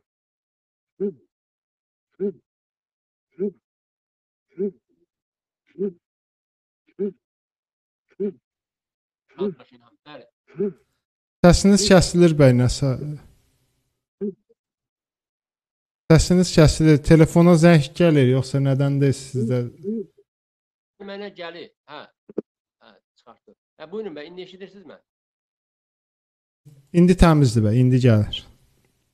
Deməli, Azərbaycanda müxalifəti həmişə heç bir məsələn e, millətin, cəmiyyətin, vətənin çox istəyən müxalifət heç vaxt kiminsə agenturası ola bilməz. Hətta hakimiyyətə gəlməsə. də. Olmaz. Heç bir xarici, məsələn, təşkilat, hər hansı bir xarici qurumun e, dəstəklə hakimiyyətə gəlmək olmaz. Ona görə Azərbaycan müxalifəti uzun müddətli müxalifətdədir. Cəmiyyətdən kömək istəyir. Cəmiyyəti istəyir ki, cəmiyyət yanında, cəmiyyətin müxalifəti. Xalqın hakimiyyətini qurmasan, sən kim kiminsə əl altına çevrilir. Yəni hakimiyyəti Azərbaycan müxalifətinin əsl müxalifətinin istədiyi ondan ibarət ki, Azərbaycan cəmiyyəti normal fikirlərini ortaya qoya biləcək cəmiyyətə çevrilsin, qorxmasın. Mənim də evdə övladım vardı, o da çörək yeməlidir, o da yaşamalıdır. Amma mən bunu təhlükədiyəm. Hər danışığıma, hər kəlməmə görə təhlükədiyəm. Sabah hakimiyyət istənilən vaxt insanı həbs edə bilər. İstənilən vaxt adamı öldürtdürə bilər. Oqtay Güləliyev belə belə vurulmayıb ki. Tofiq Yağlı elə belə hədələnməyib ki, Sevinç Alay polisin əli ilə ki, sən öldürülə bilərsən və digər müxalifətçilər var. Bu günləri bilirsiniz, bəy, adi məsələn bizdən Rövşən bəy adi harda həbs olundu? 30 ona 30 günlük həbs verdilər. Gedir adi gedir Fəxri Xiyabanda ziyarətə gedirlər, plan eləyirlər. Orada qarşısını alırlar ki, sizə olmaz oraya. Məmməd Əmin Rəsulzadənin qəbri üzərinə getmək olmaz. Yəni bu bu şeylər hamısı bilirsin nədir bəy? E, Azərbaycan hakimiyyətinin nə qədər qorxaq olduğunu göstərdiyi qədər. Qorxaq olduğunu göstərdi. Bir də sərsərsiz ki, siyasətçilərdən ibarətdir Azərbaycan hakimiyyəti. Şəxsən mən Azərbaycan hakimiyyətinin yerində olsam, vurmaq nə görə dinləmir onu deyir. Çünki bunların tapşırığı Moskvadır. Moskvanın yeganə tapşırığı var. Azərbaycan mən sizə deyərəm ki, Qafqazda bəlkə də e, gizlin formada Rusiya ən yaxşı imza atmış ölkələrdən biri. Hər şeyə nəzarət edir. Hər bir işə nəzarət. Rusiyanın burada nəzarət gücü daha böyük. Daha böyükdür, daha daha da qorxuludur. Azərbaycana təsəvvür edilən Rus qoşununun girməyi elə böyük bir faciədir. Bunu eləyiblərsə bunlar, demək görün burada bunların nə boyda e, kəşfiyyat kəşfiyyatları var. İndi biz necə deyək ki, məsələn, Qərb Avropa gəl buradan Rusiyanı çıxart. Hakimiyyət özü buraxıb girib içəri. Cəmiyyətin o gücü yox ki, etiraz etsin. Adi kommunal xidmətinə görə etiraz eləmək çəkinir. Səbəbləri var. Səbəbləri çoxdur. Türmə o gündə deyil. 25 manat təqribən günü olan e, həbsxana məhkumunun, məhkumunun qara çörək yeyir orada, onu da ki, mədə yeyən kimi mədəsi orada köpür, partlayır, bərəm ölürlər, hamısı yaman gündər. Hamı türmədən də qorxur. Elə bir vəziyyət yaradıblar, türməni də elə günə salıblar ki, 15 sutka gedən də fikirləşir ki, ora evindən ora nəsə gəlir. Bilirsiniz necə bəy, bu cəmiyyətin qorxu tərəfi budur. Amma o qorxu var. Ey, aynən türməyə düşəcəm, az qalaram. Falan, bu qorxalığı da yaşamaq lazım deyil. Çünki niyə? Azərbaycan müxalifətini bir cüdə millət bu cür görür də. Öyrəşiblər məmurların bahalı maşınlarına, qəşəng villalarına, ciblərinin puluna. Azərbaycan müxalifətində o yoxdur, əslində qalan. Məsələn, mənə baxırlar, deyirlər məsələn bu ustalıqla məşğuldur, siyasi fəaliyyətlə. Tutalım sabah hakimiyyətə gəlsə bu nə edəcək? Əvvəla mən buradan demişəm, həmişə də deyirəm. Mən hakimiyyətdə vəzifə tutmağa gəldim. Mənim yeganə arzum odur ki, korrupsiya ilə mübarizə idarəsində olan mənim qardaşım ola mən onu keçmərəm. Ölkənin yeganə problemi yaradan korrupsiya. Korrupsiya olan ölkədə nə təhsil olacaq, nə hüquq olacaq, nə olacaq. Heç bir nə icra hakimiyyəti vəzifəsində, nə prezident aparatı işçisi vəzifəsində belə mənim gözüm yox. Mən sadə vətəndaş kimi sabahları günümü, balalarımızın gününü tək özüm balamı yox. Öz balam üçün çalışsaydı, İlham Əliyevgil verirdi də, öz nökər nökərlərinə demişdi ki, nə yaşayış istəyir, verin ona. Amma mən türməyə getdim, türməni seçdim. Və fəxr deyirəm ki, mən o siyasi məhbus həyatını yaşamışam, o mənim yaşa, o mənim içimdə var. Mən fəxrlə yaşayıram ki, İlham Əliyev kimi rejimin, diktatorun dövründə mən öz sözümü demişəm, o məni şəhərləyib aparıb həbsxanaya və həbsxanadan mən yenə də öz əqidəmdən çölə çıxmışam. Bu ölkədə müxalifətçinin başına nə desəz gətirərlər. Cəmiyyət gərək onları diqqətdə saxlayır. İnsanın aparıb min başına oyun açıb atıb küçənin ortasında belə üzr istəyirəm, biabırsı vəziyyətdə atmağı onu sınmağı deyil. Ən bizi sınanlar kimlərdir? Bu boyda zülmə dözənlər var ha. Onlardan pis sınan yox. Üzr istəyirəm. O demək deyil ki, bax mən bu günləri Şirvanın özündə elə bir insanlar görürəm ki, vallahi onlar dilənçilər deyil. Abırlı, ismətli, utana-utana bir manat istəyir adam. Bundan o üzə gün var, bundan o üzə yaşayış var. Nədir bu yaşayış? Bu yaşayışdırsa vallahi bu yaşayışdır. Heç vaxt mən üzr istəyirəm, heç kimə adiyyəti yoxdur onun. İnsanlar sıxılır, gedirlər mühacirətə, burada fəaliyyət göstərmə. Ölərəm mən getmərəm də. Yəni mənim o prinsipim deyil də bəy. Öləcəm burada öləcəm, acımdan öləcəm, amma burada öləcəm. Amma mübarizə apararam. öləcəm. Mən gözümü yumub ölməyəcəm də. Yəni bu gün gör nə qədər insanlar ölkədən didar düşür. Milyonlarla insanlar Rusiyanın o bızlı yollarındadılar. Qalıblar bax bir dəqiqə orada, heç bir də pul qazana bilmir. Bax bu dəqiqə heç kim pul qazana bilmir. Necə bizdə orada da elə. Böyük bizneslərin orada satırlar. Yenə də Putinin cibinə gedir. Bütün oradakı şəbəkələrin hamısı çökür. Azərbaycanda aldıqlarını satırlar. Əvvəl Rusiyadan qazanıb gətirdilər burada. Məsəl üçün e, bəzi dostlar da məsəl üçün əlaqələndirirlər ki, Qazaxstanda vəziyyət buradan daha yaxşı idi. Qazaxstanda Azərbaycanlılar işləyirdi, falan eləyirdi, daha yaxşı. Deyirəm nə olsun bizdə də Qazaxstandan məsəl üçün qovulmuş şirkətlər var, gəlib burada qəşəngdə pul qazanırlar. Plus da ki, indi Rusiyada bizim belə vətən, həmvətənlərimiz var, pul qazanırlar. O deməkdir Rusiyanın bizə simpatiyasıdır. Xeyr. O demək deyil ki, orada demokrat olub orada bizim Azərbaycanla getmişdilər. Və yaxud Qazaxstanda. Düz Azərbaycanda vəziyyət ağırdır, pul üçün ora gediblər. Dağıstana gedirlər, ora gedirlər, yaxın sərhədlər keçirlər ki, pul qazanır. Azərbaycan cəmiyyətinin çox düşündürəci bir hal da var ki, müxalifət gəlib hansı e, fikirlə Azərbaycanda insanlara yaşayış verir. Azərbaycanda mən bunu deyirəm, yəqin ki, onu bütün siyasətçilər bunu təsdiq eləyərlər. Azərbaycanda yeganə gömrük rüsumunu götür, Azərbaycana gələn mallara şərait yarat. Bu Azərbaycan xalqı özü düzələcək. Özü dolanacaq daha doğrusu. Öz dolanışını özü düzəldir. Heç hökumət iş yerlərinə ehtiyac olmayacaq. Sərhəddən qırağa 1 manata 50 qəpik, 50 qəpik olan bananı burada 200 manata satırlar. Tutalım manat yarıma olur, 2 manata olur. Da fərqli qiymətlədir. Amma onu insanlar özlərsin ərzaq kimi gətirib istifadə edəndən sonra sənin o verdiyin dövlət işinə ehtiyac yoxdur. Onsan da insanlar gedir, işləyirlər, qazanırlar, gəlirlər. Astarxanda balığın kilo 3 manatdır. Bizdə bu dəqiqə neçədir ki? Kilo 5 manat, 6 manat. Bu qədər də burada bizim çay, məsəl üçün Kür çayı axır. E, məsələn bizim Şirvanda Şirvan kanal deyilən bir yer var, axır. Şəxsən Şirvan kanalda bu günləri bir dənə balıq tutmağa sevinərsən. Yoxdur. Hamısında Xəzərin yəni də oranda zəbt ediblər. Yəni balıq artırma yoxdur. Məsələn bizdə burada Rıbzabod deyilən yer var, deyil, öz yaşadığımız məhəllədə. Orada həmişə balıq artırırlardı. Bu kanalda biz nərə balığı tutmuşuq da, yəni bizim da, görmüşük gözümüzün qabağında tutublar, nərə balıqlar tutulub. Yəni həmişə gedirdin çörəyini aşağısı oradan çıxardıb yavandığını eləyə bilərdin. Yoxdur kanal. Təsəvvür elə yeraltı, yerüstü bütün sərvətlərə bunlar əl qoyur. Həm də dağıtdıqlarının yerinə heç nə qoymur, değil mi? Heç nə qoymurlar. Balığı tutur Xəzərdən torla yığır, aparır, kanala bir dənə kasıbdan bir dənə qalıb girmir. Onun da yerinə bir dənə balıq atmır ki, orada o, da böyüsün, o yesin. Nə iş görürlər bilmirsən. Astarxana gedin baxın, nə qədər balıq şey var. Biz Azərbaycanda baxın. Yəni təsəvvür edin, yəni Azərbaycan hakimiyyəti nəinki təhsilə, nəinki polis sisteminə, nəinki ora. İndi bax Qazaxstanda fikir verdinizsə, ordu ilə polis xalqın ətrafına keçdi, yanına keçdi. Mən sizə əminlik deyirəm, Azərbaycanda xüsusi təlim keçmiş, xüsusi o qurumlar ki var, o adam döyən polislər şərt çıxmağına sadə 300-400 manata qulluq edib kreditdə borc ödəyən polisin özü də sabah keçəcək xalqın tərəfindən. Bu əminliklə. Azərbaycanda mən status yazmışdım, tərtər kimi hadisəsi olan 14 dənə zabiti naməlum şəkildə e, vertolyotda təlim zamanı demək dünyasını dəyişib rəhmətə gedib Allah onlara rəhmət eləsin, yaxınlarına səbir versin. Sənin vertolyotu hərbi vertolyot Moskva aparır ekspertiz. Bundan böyük bir abırsızlıq var. Yəni bunlara dözüb xalq, dözən xalq var ha. Nə bilim, vallahi bilmirəm. Mən də o xalqın nümayəndəsiyəm. Mən demirəm, mənim sabah çıxıb tək başına etiraz etsəm, deyəcəm amma baş xarabdır, bu havalanıb, bu nə nə olub, bu dəlidir bu çıxıb küçələrə. Biz yenə də deyirik, heç bir dağıdıcı, heç bir adi bir mağazanın öz e, o yüngül sahibkardır. O, onun nə günahı var ki, onun mağazasının şüşəsinin sındırılmağında və yaxud da ki, hansısa bir xırda zavodun yandırılmağında qəti şəkildə olur. Qəti şəkildə olur. Amma sivil formada sən etirazı göstərə bilərsən. Sivil formada öz etiraz mən Məsəl üçün deyirlər ki, bəy, nə olacaq? Bu niyə çıxmırsınız meydanlara? Deyirəm, çıxıram. Gəlin, çıxıram. Çıxmasam vallahi vicdansızam. Gəlin, çıxaq. Sosial problemləri siyasi tərəfi qoyuram. Sosial problemi eləyək. Görürsən, gələ bilmir. Fikirləş idi. Fikirləşir. Hamısının müxalifət eləməli deyil. Azərbaycanda siyasi partiya adı. Ədliyyə Nazirinə siyasi partiyalar keçir. Sosial iqtisadi partiya deyil. Sosial. Azərbaycan müxalifətinin içərisində iqtisadçılar var. O başqa məsələdir. Partiyanın adı var, siyasi partiya. Siyasi məsələlərə toxunmaq.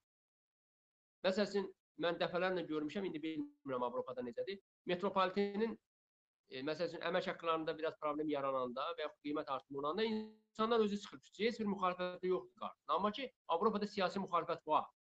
Ora çıxan insanlara hökumətə rəy qoyur ortasına. Müxalifət kimin adına qoymalıdır? Millətin adına rəy qoymalıdır. Müxalifət öz adına rəy qoymayacaq ki, sən məni tutursan. Onsa biz o tutulanlara bunlar baxmırlar. Biz çıxardıq Avropa məhkəməsinə, İnsan Haqları Məhkəməsinə çıxardırıq və orada biz tələblərimizi qoyuruq. Azərbaycan hakimiyyəti fərqli bir dənə resurs qoyub ortaya. Kimə istəyirəm pul verərəm, kimə istəyirəm vermərəm. Elə son bu Qiyas bəyin ictimai fəalin gördünüz də, gördünüz də nə, nə oldu da orada bəy.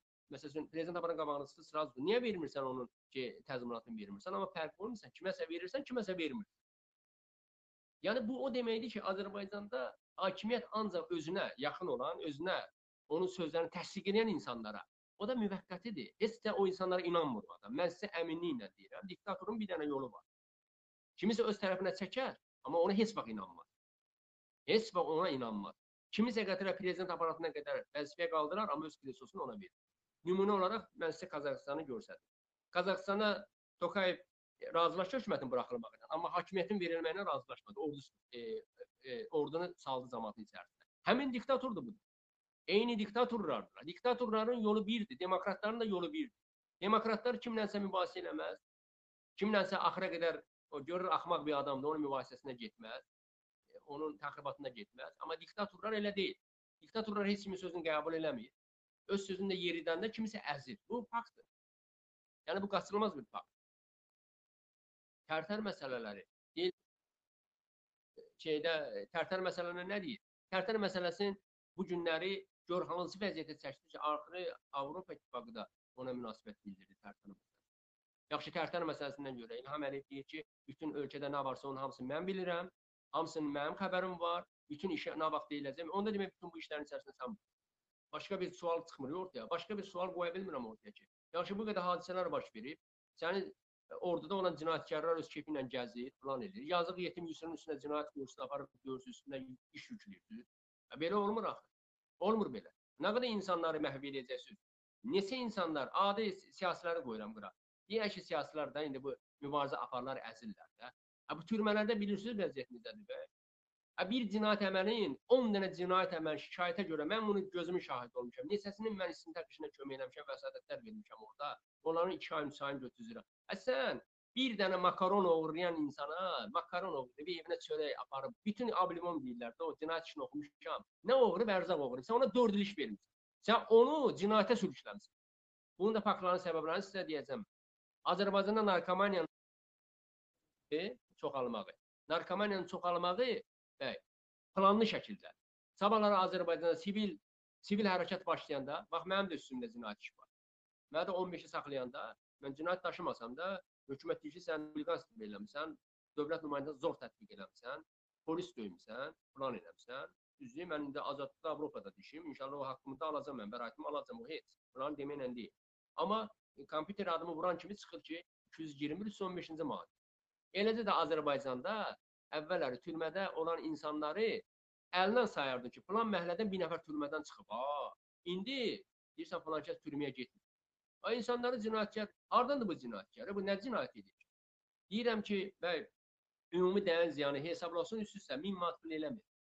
İnsandan soruşuram ki, bu oğruğu niyə eləmirsən? Deyir ki, məsələn, falan yerdə dənizin qırağında balıq tutdum, sahə müvəkkil məndən. Hər ay pul aldığına görə bezdim, tüpürdüm, deyir, ona mən işləmədim. Getdim uşağım təzə anadan olmuşdu. İnansız özü deyirdi, deyir, nə evimdən də məhkəməyə gələn yox. Tərs çıxdan məhkəməyə etapda gəlirlər də, şəhər məhkəməsinə çıxır. Danışdırıram, nədir də məsələn? Deyir, getdim, heç nə, gördüm uşaq anadan olub, çatdıra bilmirəm. Balıq satıram, Saskovi gəlir oradan ki, bunu ver, bunu ver. Dedim, cəhənnəm ola sulanmır. Getdim, deyir, bir günləri hamısının da yazılıb ora cinayət işinin üstünə. Nə uğrayıb? Ərzaq mallar. Pampers oğurlayıb. Uşağı üçün oğurlayıb, a, vicdansız hakim. Məsələn, vicdanın var, bu qədər cəmaatdan pul oğurlayırsınız. 5 min, 62-ni tətbiq edirsiniz 100 minə.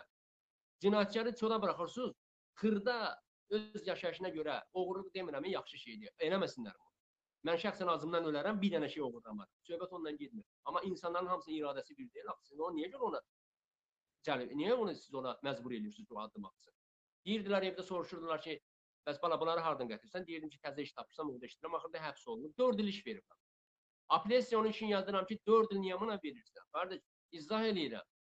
Bunun müəyyən onsan şikayətçisi yoxdur. Cərimə eləyib buraxa bilərsən. Sən bunu e, e, komendaturada deyək ki, ki komendatura rejimi formasında da elə bir şərti azadlığa verə bilərsən. Sən birinci dəfədən sən bunu niyə həbs edirsən?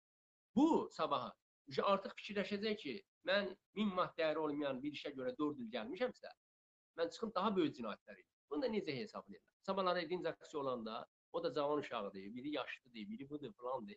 Aksiya çıxanda adın qoyacaqlar ki, üzərimizə şeylər, cinayətkarlar gəlib, narkomanlar gəlib. Hamısı planlı şəkildə gedir. Və mən sizə əminliklə deyirəm. Azərbaycanda narkomaniya əvvəlləri deyək ki, imkanı pulu olan alırdı, istifadə eləyirdi. O da ki, ən yaxşısını alıb istifadə edərdi də. Yəni gedib elə ucuz parasını almayacaqdı ki, müəyyən qədər yaşaya bilir. İndi gətiriblər müəyyən narkotik vasitələrin ən pisin hətta qida elə baxıram ki, gömrəkdən ebiləm ki, ayının keçə bilməz bura. Bunu yəqin burada istəyir, zavod açıblar orada. Deyək ki, elə o kim idi dedi, Qəzənfəroğlu idi deyəsən dedi, orada şey tikmək lazım, kazino tikmək lazımdır Qarabağda. Mən də status yazmışdım ki, böyründə də bir dənə narkotik plantasiya tikün, elə oturun orada kef eləyin də. Qumarla elə belə ayaq başa getmək olmaz. Axı narkotikadan zaten çəkin orada eləyin də. Odunda zaman. Qüdrət Həsənquliyev. Görün e, e, Qüdrət Həsənquliyev, bəli. Görün nə boyda ölkədə qumara meylli hakimiyyət var. Nə boyda ölkədə rüşvətxorluğa, bundan sonra qaranlıq işlərə meylli hakimiyyət. Bax ona görə deyirəm ki, bu günləri Azərbaycanda türmələrdə olan, bax amnistiyanı düz əməlli verə bilər. O mənim üçün gəlir deyir, müxalifət nə lap belə açıq, yüngülündə qələt eləyər hakimiyyətlər. ki, Ə, elə sənin kimi adam var. E, e, bu inan elə bilirsən nə. Bilirsən niyə görə? İnsanları tanıyırlar, ona görə uyğun hərəkət. Bax, amnistiya verdi. Mən o amnistiyaya bütöv oxudum. Bir neçə nəfər də adam mənə şey, müvəqqət şeydə bu məntəqə tipli cəza çəkmə də mən o komendator dediyim məntəqə tipli cəza çəkmə. Bir aya qalıb, bir aya qalıb. Bilirsiniz də orada da qeyri-qanuni pul alırlar insanlardan. Əslinə qalanı qalıb işləməlidir. Altı bu xadının evlərinə getməlidir. Bazar günü icazə var ona. Mən səbir. Demək bunlar pul alırlar, ümumiyyətlə gəlmirsən, yəni ayda pul ödədir. Bir ayı olanı, bir ayı olan, bir ay evə gedən olan adama amnistiya verir. Özdə amnistiyada nə yazır? Üzərində ictimai təhlükə məsələsi qoyulan adamlar amnistiya düşmür. Bütün də cinayət işlərinin üzərində ictimai təhlükə yazır. Azərbaycanda bütün insanları ağır cinayətkar hesab edir. Özləri oğru olurlar. Özləri oğurluqla məşğul olurlar. Özləri bu boyda ölkəni oğurlayıblar. İstismar eləyiblər. Bütün böyük firmalar öz adlarında. Dəmir əritmə zavodları öz adlarında. Sokar öz adlarında. Onlar bütün idarə struktur Daxili İşlər Nazirliyinə qədər özlərinin özəl. Hamısı özlərinin. Yəni e, bu cür talancı bir hakimiyyət vətəndaşı xırda oğurluqda günahlandıra bilməz. Qətiyyən bilməz. Mənim e, keçən illəri aparmışlar pandemiya ilə qədər yazmışdım. Yəni bu insanları incitdir də, yəni. Baxın bu günləri bu, bu nüansa da toxunun. Vaksinasiya ilə əlaqədar nümayəndələri təhkim özləri qeyri-qanuni təhkimlər qoyublar, polislər, nəfərlər insanları vaksinasiyaya cəlb eləyirlər. Amma pandemiya dövründə heç bir nə polis, nə heç bir həkim tapılmırdı ki, evlərdə gəlib gəlirdi, onlar təcili yardım idi. Onların da elə çox uzağa getmə Şirvanda 150 min pulun yedi. Həmin o təcili yardıma çıxanlara əlavə saat verirlər. Hələ də ala bilmirlər. Prokurora şikayət ediblər, məhkəməyə şikayət ediblər. Heç kimdən də ala bilmirlər. 150 min pul onların pulu yeyir. Yaxşı, sən pandemiya dövrü insanlara xidmət eləməmisən. Pandemiya ən kəskin evdə qal kampaniyası var idi. Bunların elə bir laxta oynayırlar, evdə qal, çöldə qal. Heç biri də effekt vermir. Giz-giz bir planlar idi. İnsanları kütləşdirmə, bir yerə yığma. Baxın, şeydə 31 günü nə qədər insan var idi meydanda. Hətta bizi 15 gün axırında deyirəm Tarkovda minlərlə insan var da. O minlərlə insanların hamısını gətirirsiniz bura cərimə edirsiniz. Salırsınız bura şey deyib. Mən McDonald's-a buraxmır, vaksin vurdurmamışam. Polis bölməsinə rahatsın. Bu qırış mənə buraxmadı, orada inzibat binasında qapalı yer. Sən niyə buraxsan ki? Yəni söhbət nədən gedir? Anormal bir hakimiyyətdir. İnsanın konstitusiyasını, konstitusion hüququn pozur. İzah da verə bilmir, məntiq də ortaya qoya bilmir. Yəni bu cür açıq formada olan, deyək ki, bu siyasi tərəf görür ki, hakimiyyətin elə bir vəziyyət yaranıb ki, siyasi tərəfi qalmır. Hər şey üz-üzədir. Qardaş, sənin, sənin gözün görə-görə sənə hücum eləyir. Məsələn, sənin çörək pulu qaldırır. Təqaüdlər kəsir. Bax fikir ver. Deyirlər ki, təqaüdlər hamısı saxtadır. Sələm Müslümov ora kimi qoymuşdu. Özünün cinayət işi vardı. 178-ci maddə ilə dələduzluqla türmə yatmışdı. O ki siyasi məhbus olmamışdı. Faktiki yatmışdı. Düzdür? Sən dələduzun birini gətirib qoymuşdun e, sosial fondun rəhbəri. Yaxşı, o öz başına gedib saxta kiməsə şey verə bilərdi, sənəd ver. Yox. Onlar hamısı hakimiyyətin planları idi. Bir müddət insanlara, bir müddət insan. Kifayət qədər pulları var idi. İnsanlar sustururlar pulla. İndi artıq sustura bilmirlər. Həqiqi əlillərin bu dəqiqə verə bilmirlər sənəd. Sahil Babayev çıxıb televiziyaya deyir ki, mənə həkimlər forma 8 nədir, onu düzgün göndərmir, bizə təsdiq eləyə bilmir. Əki mənim yanımda olub gözdən əli. Gəlib göz bəbəyinin yoxlanmasına dərəcəni vermir. Ancaq Zərifə Əliyevə verirlər. Orada Zərifə Əliyev adına gözləyir. Xeyr ola. Burada Cəmiyyət İnstitutda diplom alıb da göz həkimliyi qutarıb. Onun rəyə keçərli deyil. Özəldə verə bilmərsə. Rayon üzrə göndərmir təqdimata. Ancaq bir yerə Zərifə Əliyevə. Bu rüşvətin bir yerə yığılmağı deməkdir. Sahə şey təzə şöbə şey təhsilin şöbə bölmələrini yığışdırıblar. Nazir deyir ki, pulu belə belə alacaq da belə, birbaşa alacaq da belə çıxır da. Müəllimləri nə günə qoyub? 86 balla keçirir təkrar imtahanını. Bu nə deməkdir? E, sən insanı dolamısan sən. Mən uşaq oxuyur, repetitor yanında. Mənim keçən illər tarix kitabım keçərlidir hazırlıq üzrə. Hər il bir dənə tarixin kitabı mən o tədris vardı, o tədrisdə indi hazırlığa uşaqlar aparanlar bilirlər. Hər il kitab dəyişikliyi var orada. Xeyir ola. Keçən ildən bura nə fərq edir ki? Nə baş verib ki? Ay 10 manatdır da satışdadır. Yəni 10 manatımızı cibimizdən alırlar. Yəni hara fırlayırsan bu insanlar bu hakimiyyət falançı hakimiyyət. Elə bilirlər ki, qorxur. Hə, bu qorxuzmaq olar. Valla qorxmayan adamı qorxuzmaq olur. Güclə deyil. İstəyirsən üstündən tanqla get, qışqıracaq, azadlıq qışqıracaq o. O qorxaq adam olsan da qorxacaq. E, o mümkün deyil. O bizim nəyimiz əlimizdən alıb. Hər şeyimiz əlimizdən. Şəxsən mən öz adıma danışıram. Yəni heç nəyim yoxdur mənim, heç nəyim, hər şeyimi. Yəni bir demirəm, böyük bizneslə məşğul olurdum, o alıb verərdi. Daha mən e, nəyim vardı ki, mən xırda bir dənə butkam olsaydı, bir kioskam olsaydı, onu da gəlib orada süpürlüyüb aparardım. Yəni imkan verməz. Yəni söhbət ondan gedir ki, bizdə insan var. Biz də cəmiyyətçi, biz özümüz üçün çalışsaydıq, yenə də deyirəm. Yəni bu hakimiyyət bizi həbsə aparanda aparmamışdan qabaq deyir ki, nə istəyirlər yaşayışların. Sonra görürlər aşağı səviyyədə əmələ gəlmir. Yaşadığın e, şəhər üzrə əmələ gəlmir, yuxarı səviyyədə aparırlar. Orada deyirlər sənə nə lazımdır verir. Get sakit dur yanında, cəmiyyət sənə nə lazımdır. Hətta bilirsən nə deyirlər? Deyirlər, sən cəmiyyətin müdafiə elədiyin insanlardan gətirək, qulaq asınlar, gör nə danışırlar. Sizin dalınızca. Deyirəm, mənə ehtiyacım yoxdur. Mən ideologiyam, Rəsulzadə ideologiyası. Rəsulzadəni lahıcda satıb bu millət. Mən özüm tamam mı? Nəsib bəy Yusufbəyini e, Kürdəmirdə öldürüblər. Yəni bunu biz dırnaq arası bacarmışıq da, bacaran millət olmuşuq da. Səməd Vurğunun yazdığı poemanı ürəyimiz kimi əzbərləmişik. Yəni bilirsiniz necə Mişal Müşfiqamı öldürəndə heç bir səsini sıxmır. Əhməd Cavad Əhməd Cavadın yoldaşı Şükriyə var. E, Azərbaycan üçün bilsən nə deməkdir bu? Patriot diye bu, bu adamın o bu, bu insan var. Şükriye'nin bu günləri heykəlləri qoyulmalıdır ki. E sən hansı Rus, Rusu sən müdafiə edirsən? Şeydir. Araz Əlzadən çıxışına baxıram. Xırda bir çıxış idi. Deyir ki, mən şeydir. Mən o vaxt dedim ki, Rusla vuruşmaq olmaz. Rus şeydir. Sözümə qulaq asmırdılar. Məni də Rus pərəs adlı. Ay qardaş, Rus Rus imperiyasının sənin Əhməd Savadın yoldaşı Şükriyəni o vaxt buradan Qazaxstana sürgün olanlara balaca çörək verilmişlər yolda qadınlarla orada ki, siz də bağışlayın. Yəni layiq hərəkətlər eləmək. Şükriyə xanım buradan ora qədər bütün əyninin, paltarın e, vaqonda ona üzr istəyirəm, sidiyə batıra batıra. Buradan ora gedib özün mənəviyyatını qoruyub ora. Adam vicdanı da Rus Hasan sənə qarşı yaxşı. O imperiyada bu Rus. Bizim yendirəmi bir millətlə problemimiz yoxdur qardaş. Axı gözümüzün qabağındadır. Rusiyada işləyir insan, balotaya düşür. Moskva kriminal zonadır. Yəni ki, bu insanlar avtoritar rejim yaşayıblar. Yəni sivilizasiya yoxdur axı bu ölkədə. Yoxdur, olmayacaq. Ukrayna sən, Krımla sənin nə işin var? Qarabağla sənin nə işin var? Qazaxıstanda sənin nə işin var? Qırğızstanda sənin nə işin var?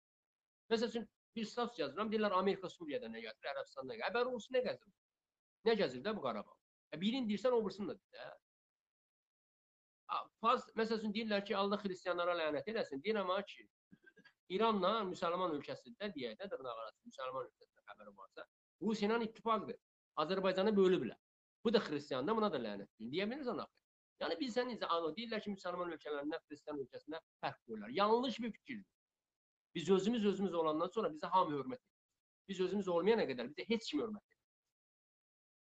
Təsəvvür edirsiniz, ölü pulun almağa da, yəni dəh, kim ki dəfn həyata keçirdib, onun pulunu almağa görə bələdiyyə sisteminə yaxınlaşanda sırada torpaq borclarını ödətdirirlər.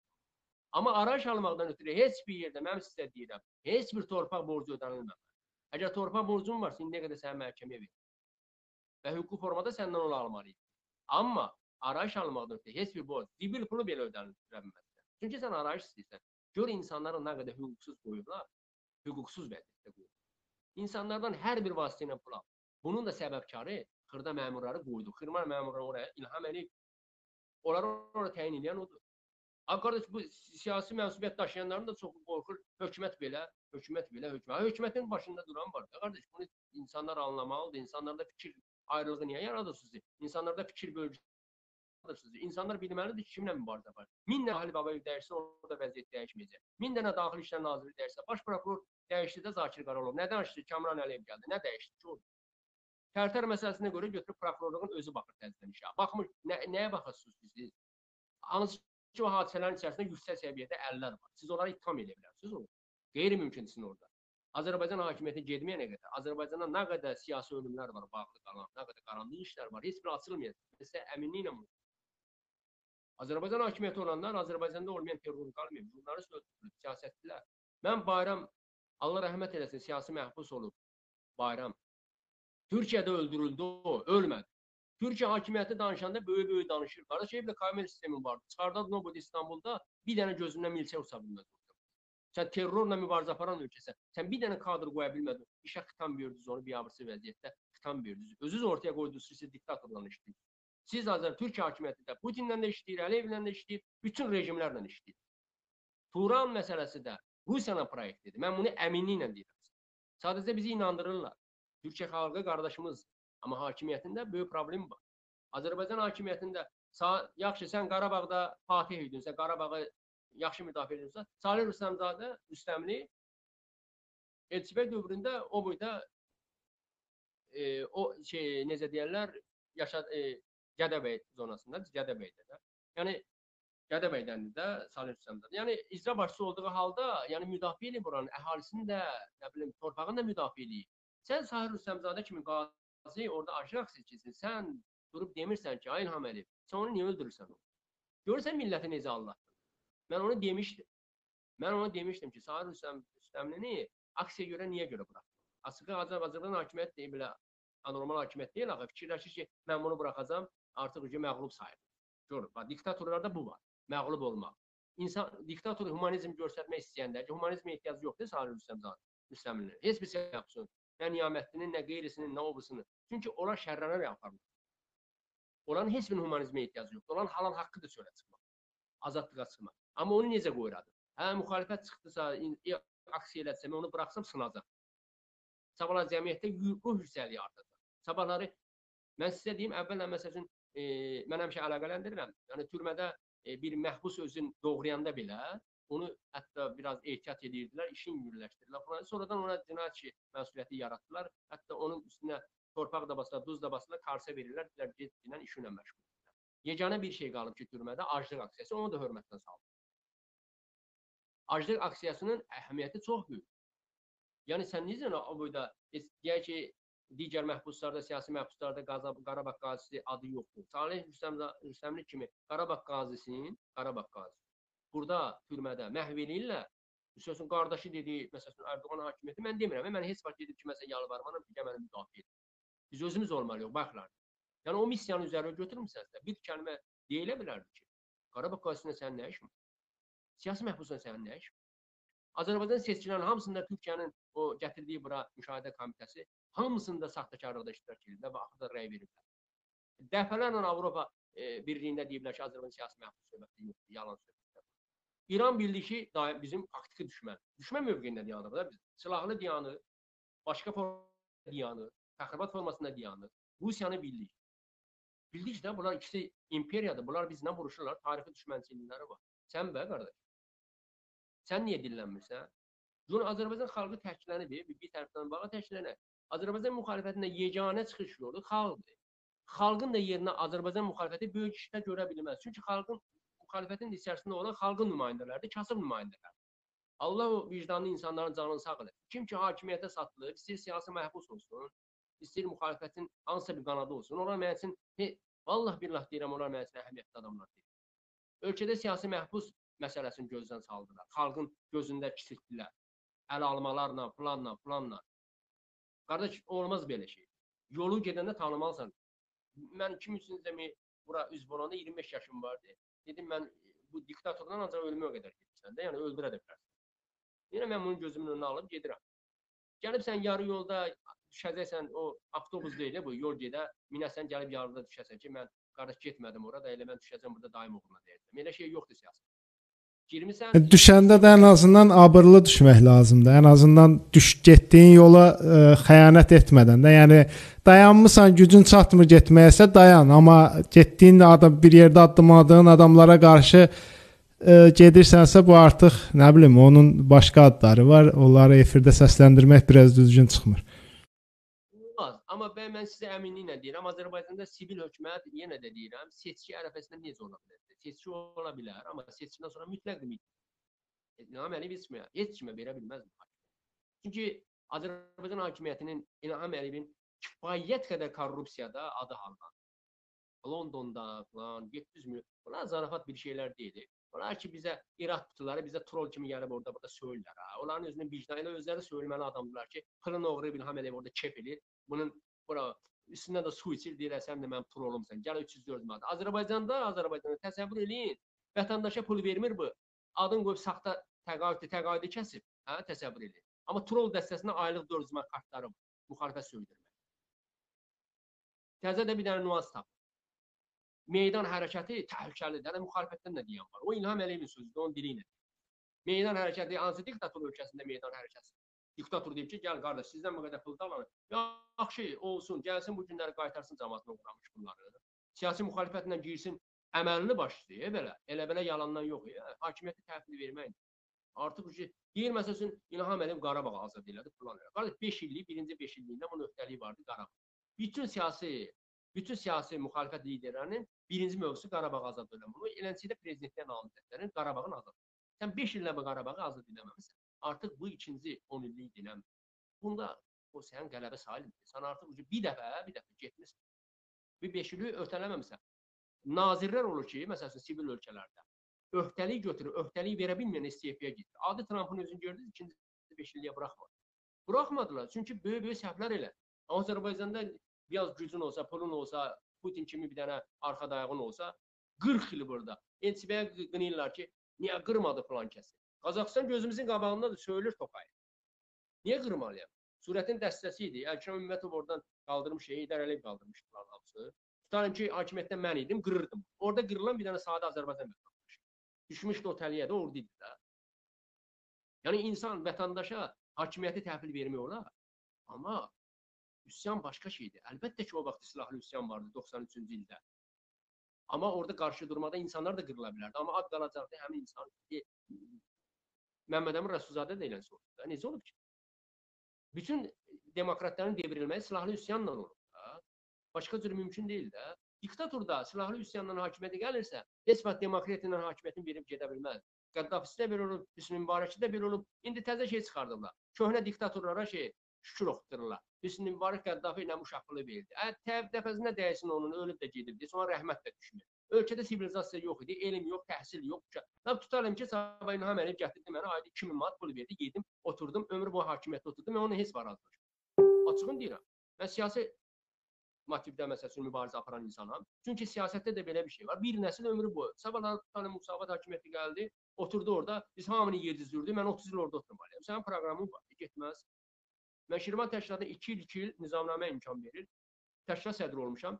2 il, axırıncı 2 ilim bitib gizlin səs vermə iləndir. Mən öz ərzəmi çünki bitim mənim məsələmdə, yəni olmaz. Və bəz hara gedirsən demişəm bəyimə demir. Bilirsən niyə görə? Olmaz da məsələn mən öz təşkilatımdan danışıram, Şirvan təşkilatından. Yəni xətimi də çox istəyirlər də. Üzvlərim çox istəyir. Əbə burada sən idarə edirəm yox. Nizamnamə icazə verir. Başkanlıqda 2 il, 4 il icazə vermir ondan artıq. Hətta yaxşı xidmət eləsin belə icazə vermir. Amma ki insanların təfəkkürünə yeriyə bilmir ki, prezident sənə nə bilim qızıl stəkanda bir dənə çay da versən, nə bilim nə versə belə onun müddəti var, o getməlidir qardaş. O getməsə, ölkədə o təzə institut qutaran institut qutaranlar var, siyasi partiyalar var, onların heç vaxt inkişafı olmayacaq. Onlar heç vaxt hakimiyyətə gələ bilməyəcək və onların heç vaxt beyinləri işləməyəcək. Çünki 1-5 il qalandan sonra insanın e, siyasi e, baxışında, siyasi düşüncəsində fərqlər yaranır. Yenisi gəlməlidir ki, yeni şey ortaya qoya bilsinlər. Məsəl üçün yenə də deyirəm, hakimiyyətə lap gecindən proqram vericindən, hakimiyyətə məsəl üçün dəfələrlə biz Qarabağ məsələsində də Rusiyanın bura girməməyinə görə Türkiyə hakimiyyətindən yenə də indi mən bayaqlar sadalanan halları qırağa qoysaq belə, yəni onlar ümumi və düzgün fikirlərimi çatdırdım ki, Türkiyə hakimiyyəti Azərbaycan hakimiyyətinə qardaşlıq edir, bizi ilə yox. Açığı. Amma yenə də Azərbaycan müxalifəti Türkiyə e, Azərbaycan hakimiyyətinin qarşısına belə bir e, nüans qoydu ki, və Azərbaycan e, Türkiyə hakimiyyəti ilə sıx e, münasibətlər yaratmaq lazımdır. Türkiyə ordusunun bura gəlməyinə şərait yaratmaq lazımdır. Çünki başqa çıxış yolumuz da yoxdur və belə də ölkədir. Yəni sözü keçər bir ölkədir. NATO-nun üzvüdür. Yəni balaca bir ölkə deyil. Amma yenə Azərbaycan hakimiyyəti nə elədi? Məsələn, mübahisə yaranır ki, İlham Əliyev ölkə təhdid olmuşdur. Cavab verim nə eləməli? Ümumiyyətlə o bu gün hakimiyyətdə olmamalı idi. Yəni seçki saxtalaşdıra saxtalaşdıra hakimiyyətə gəlir. Amma ən aşağı variantda istefasını verməli, bacarmaqla. Niyə görə? Mən onu izah edeyim. Birinci döyüşə girəndə sən hesablamazsan Azərbaycan gücü hara gedər? Həm beynəlxalq gücü, həm hərbi gücü hara gedər? Bu bir mənalı şəkildə olmalı. Bir mənalı şəkildə olmalı. Əvvəla 16-sı 15 hadisələr vardı, iyun hadisələri. Mən gecə səhərə qədər onu izlədim. Orada ə, Azərbaycan cəmiyyətinin sonra çıxıb Qarabağ qışqırmağı əslində qalanda hakimiyyətin yönəltdiyi bir proyekt idi. Orada bir neçə nüans var idi. Mən o fikirlərimi deyim, o vaxtda yazmışdım o nüansı. Hətta mənə sual verdilər ki, Azərbaycan müxalifəti liderləri orada niyə gəzmir, niyə çıxmayıblar? Dedim, Azərbaycan hakimiyyətinin böyük bir tərəsidir, müxalifətçilər üçündür. Gözümüzün də qabağında oldu ki, məsələn, AXDP üzvlərindən neçəsi dostlarımızdan şərti azadlıqdan məhrum oldular. Hələ də heç bir günahları olmadı qaldı. Yəni biz bu təxribatları çox görmüşük, çox izləmişik, çox fikir vermişik. Və orada siyasi müxalifətin liderindən kimsə gəlsəydi orada, hətta Qarabağ qışqırıq halda yüzlərlə istefa sözləri səslənə və mitinqin yönün güya ki, hakimiyyət dəyişikliyə kreslo davasına çevirməyə onlar nüans qoyacaqlar. Çünki o hakimiyyət onu planlaşdırmışdı, fikir verir. Nə oldu? 15 adamın adı gələndə Targoviç Xazamora Vayska tökür. Təsəvvür edin. Xırdalandan cəmaət gəlir, polis kardanın qolunun əlini açır, bir kadrlar var, baxa bilərsiniz. Cəmaət keçib gedir meydana. Və azadlıq meydanında rahatçılıqla gətirib çıxardılar Ali Məclisin önünə və orada da qapını açıb girirlər içəri. Heç bir 3 dənə şey polis maşını da əzirlər. Həmin təxribatda Qazaxstandakı eyni proyektdir, Rusiya proyektidir də bu. Bu normal hakimiyyətin başı deyil də, bu anormal hakimiyyətin başıdır ki, bu təxribat deyil. Çünki burdan deyillər bu. Mən əminliklə deyirəm burdan deyillər. Yəni qohum əqrabun, yaşayışın burdan olsa heç vaxt onu eləmərsən. Çünki sən vəzifədən düşəndən sonra sən bu cəmiyyətin içində yaşayacaqsan və onu üzvə vuracaq. Sabah hakimiyyət yoxdur, bunlar da budur. Hansı girirdə, hansı yaşayacaq, onu fikirləş. Amma yaşaya bilməzlər. Çünki adlarında kifayət qədər istintaq hərəkətləri var. Bunlar hamısı hüquqi tərəfdən araşdırılacaq. O, şey, o, o sonranın məsələsi də o mütləqdir. Amma həmin o 15 e, e, deməli bu Qarabağ mövzusu haqqında təsəvvür edirsiniz necə başladı?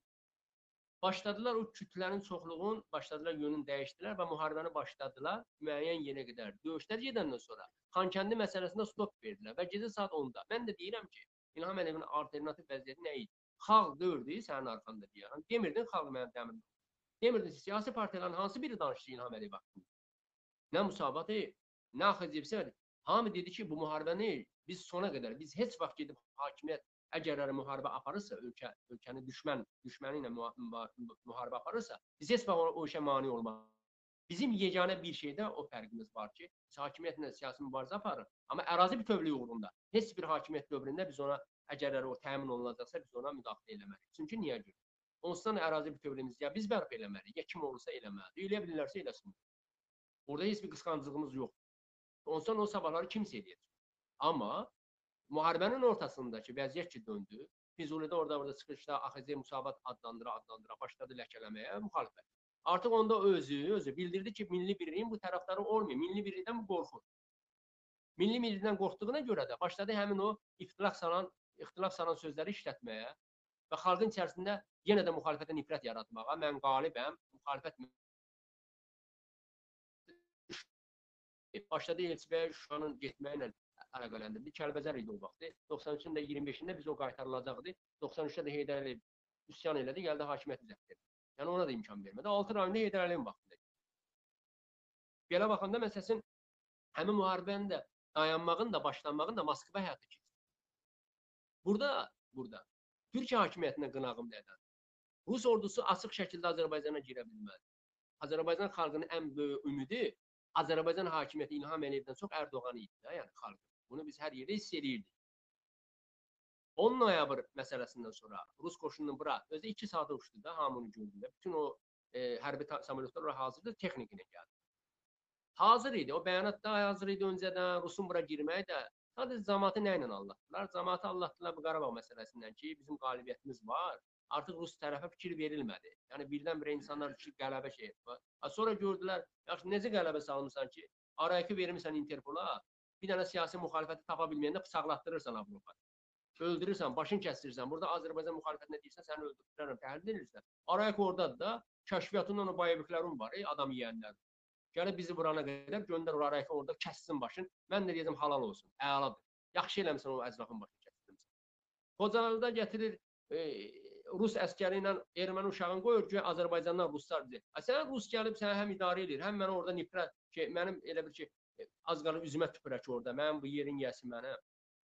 Sən elə durub deyirsən ki, mən qalibəm, mən dəmir yumruğam, dəmir eləyəm. Dəmir yumruq nə siyasi müxalifət dillənmədi, nə xalq sən xalq deyildi, həmin xalqın uşaqları vuruşdu. Axırda verdiyin o 80 manatdır da. Kəssə deputatların maaşını. Nəyə verirsən? O təyinatlı deputat nəyə yarayır? İki dənə təzə mövzu tapıblar. İki dənə məsəl üçün loyal bir dənə müxalifətçini danışdırırlar. Göy xalqın xeyrinə nəsə danışdı. Ondan o özü keçə bilmir. Keçə də bilməyəcək. Çünki o mandatlar paylanılıb onlara. Heç biri qazanmayıb. Hamısı paylandı.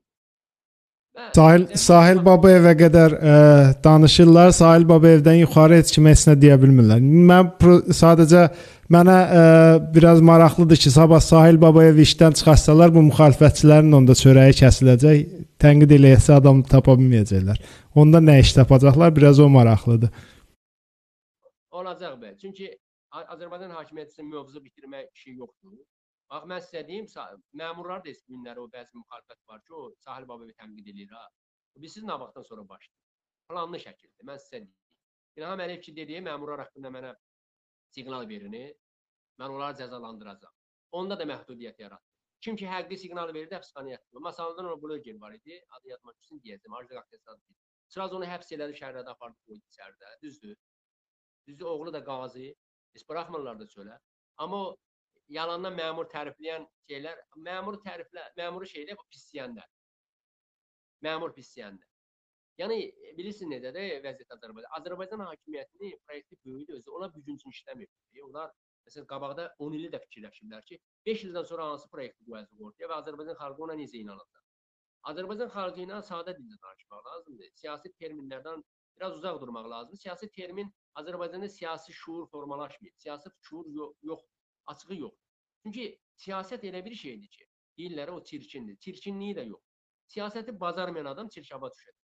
Siyasətdən anlaşı olmayan adam özünü batıracaq. Siyasət bu günün üçün deyil, gələcək üçün. Məsələn, mən köhnə çıxışlar var, Arif bəyin də çıxışı var, digər müxalifətçilərin də hesabı. Məsələn, ona o vaxtda baxılırdı 15 min, 20 min, indi baxırsan 150 min baxış var. Çünki siyasətçi 10 ildən sonrakını deyir. Siyasətçi 10 ildən sonrakını deyir. Sən onu bu gün qavramalısan ki, 10 ilə gedib zülmə düşməyəsən. Siyasətçi bu gün deyirsə budur, sabah pis olacaq. Sən indidən o işin üstünə düşməlisən. O xəstəlik elə bir həkim gəlir, deyir qardaş sənin getginən falan yerin müalicə elə. Deyirsən əşyələ gedirəm, dəymirəm. Sabah ölüm gəlir çıxır üstünə. O həkim də səni qutara bilmir. Ölüb gedəcəksən. Müxalifət deyilənçi də, müxalifət xalqın, yəni problemdə olan xalqın həkimidir. O sənə deyirsə 10 ildən sonra, mən sizə deyim də məsələn, İlham Əliyev beləncə hakimiyyətini davam eləsə, və əlbəttə ki 5 ildən sonra əməlli başlı Rusiyanın burada agentliklə bayraqları asır. Bir bətim yaxın. Bəlkə də e, gizlin formada otaqlarında gəzdirirlər, amma çıxartmağı hələ ki şey eləmirlər. Biraz insan insanlardan da biraz o eski qorxusu da yoxdur hakimiyyətin. Mən açıqın deyim, Az Azərbaycan hakimiyyətinin o qorxusu yoxdur insanlar. Böyük aynən çünki arxayindirlər. E, bizdə kütləvi aksiyalar həmişə ret belə e, təsadüf hallardır baş alıb. Nə bilim 2003-cü ildə 500 minə yaxın adam çıxmışdı da meydana da. Deyirlər onun axırı nə oldu? Heç nə nail olmadı. Mən deyim nə oldu? Biz bəli Amerikanın və digər ölkələr, Rusiya kimi ölkələrlə biz razılığa getmədik. Çox şey olar, müzakirə etdi olar. Amma bu gün Qarabağ məsələsini belə həll. Bu cür anormal. Ona biz getməmişik. Biz ondan imtina eləmişik. Biz ərazi bütövlüyümüzün mən o şeydə olanda e, deməli 15 gün saxlanılanda orada dostlardan da vardı. İzləyirlərsə indi orada mən e, yəqin ki sözümü təsdiq eləyərlər, yadlarında qalıbsa. O polis mayoru vardı. Qayıtdı dedi, eski qayıtdı dedi ki, mən də yanmışdım dedi ki, inşallah Zəngəzura gedəcəm. Dedim mənim işim, mənim arzum Təbrizə qədər getməkdir. Gedə bilərik. Hamının ağzına bir söz atıblar. İlham Əliyev nə deyirsə onu deyir. İki sözləri, bir sözləri də var. Təxribat. Təxribatla məşğul olun. Keçən səfər bir e, toy məclisi var, orada biraz gəlmişik. Ay sən məclis, sən e, mənzil istismarı müdiri, sən nə gəzirsən sən vaksinasiyada? Deyirəm sən nə gəzirsən burada? Sən təbibsən, nəsən, nəsən, kimsənsə, belə təxribatla məşğul olma. Deyirəm ağzında bir dənə söz qoyurlar, təxribatla məşğul olma. Ən böyük təxribatçısını bilirsən ki, illər boyu dedim, aparıb seçkidə arvadların o xadimələrin paltarlarının, yaylıqlarını dəyişdirirsiniz, belə salırsınız ki, heç kim üzünü tanımasın. 15 dəfə orada saxta seçkiyə. Ay bu deyə sizə dedim, ya tanıb qızarmır. İndi də gəlmisiniz, vaksinasiya sənin işindir, dedim. Hansı operativ qərargahda icra başçısına təhkim edirlər ki, vaksinasiyasını. İşte, ya mənzil istismarı. Düşmüsünüz qapı-qapı. Gələrdiniz o vaxtda produkt paylayırdınız, ərzaq paylayırdınız da cəmaata, evində qalanda, çölə çıxa bilməyəndə. Verirdiniz də, niyə vermirdiniz? 3 dənə icra hakimiyyəti apardı, qoca arvadları yığıb, qabağına qutu qoyub, utanmaz utanmaz şəkil çəkdirib paylayırlar ki, biz bunu edirik. Utanıb qızarıb yerə girmirlər. Ya adam, gələ sifət olar ki, utanasan da. Sənin elə borcundur, onu yaşadma. Sən nə dilən vəziyyətdə salıbsan?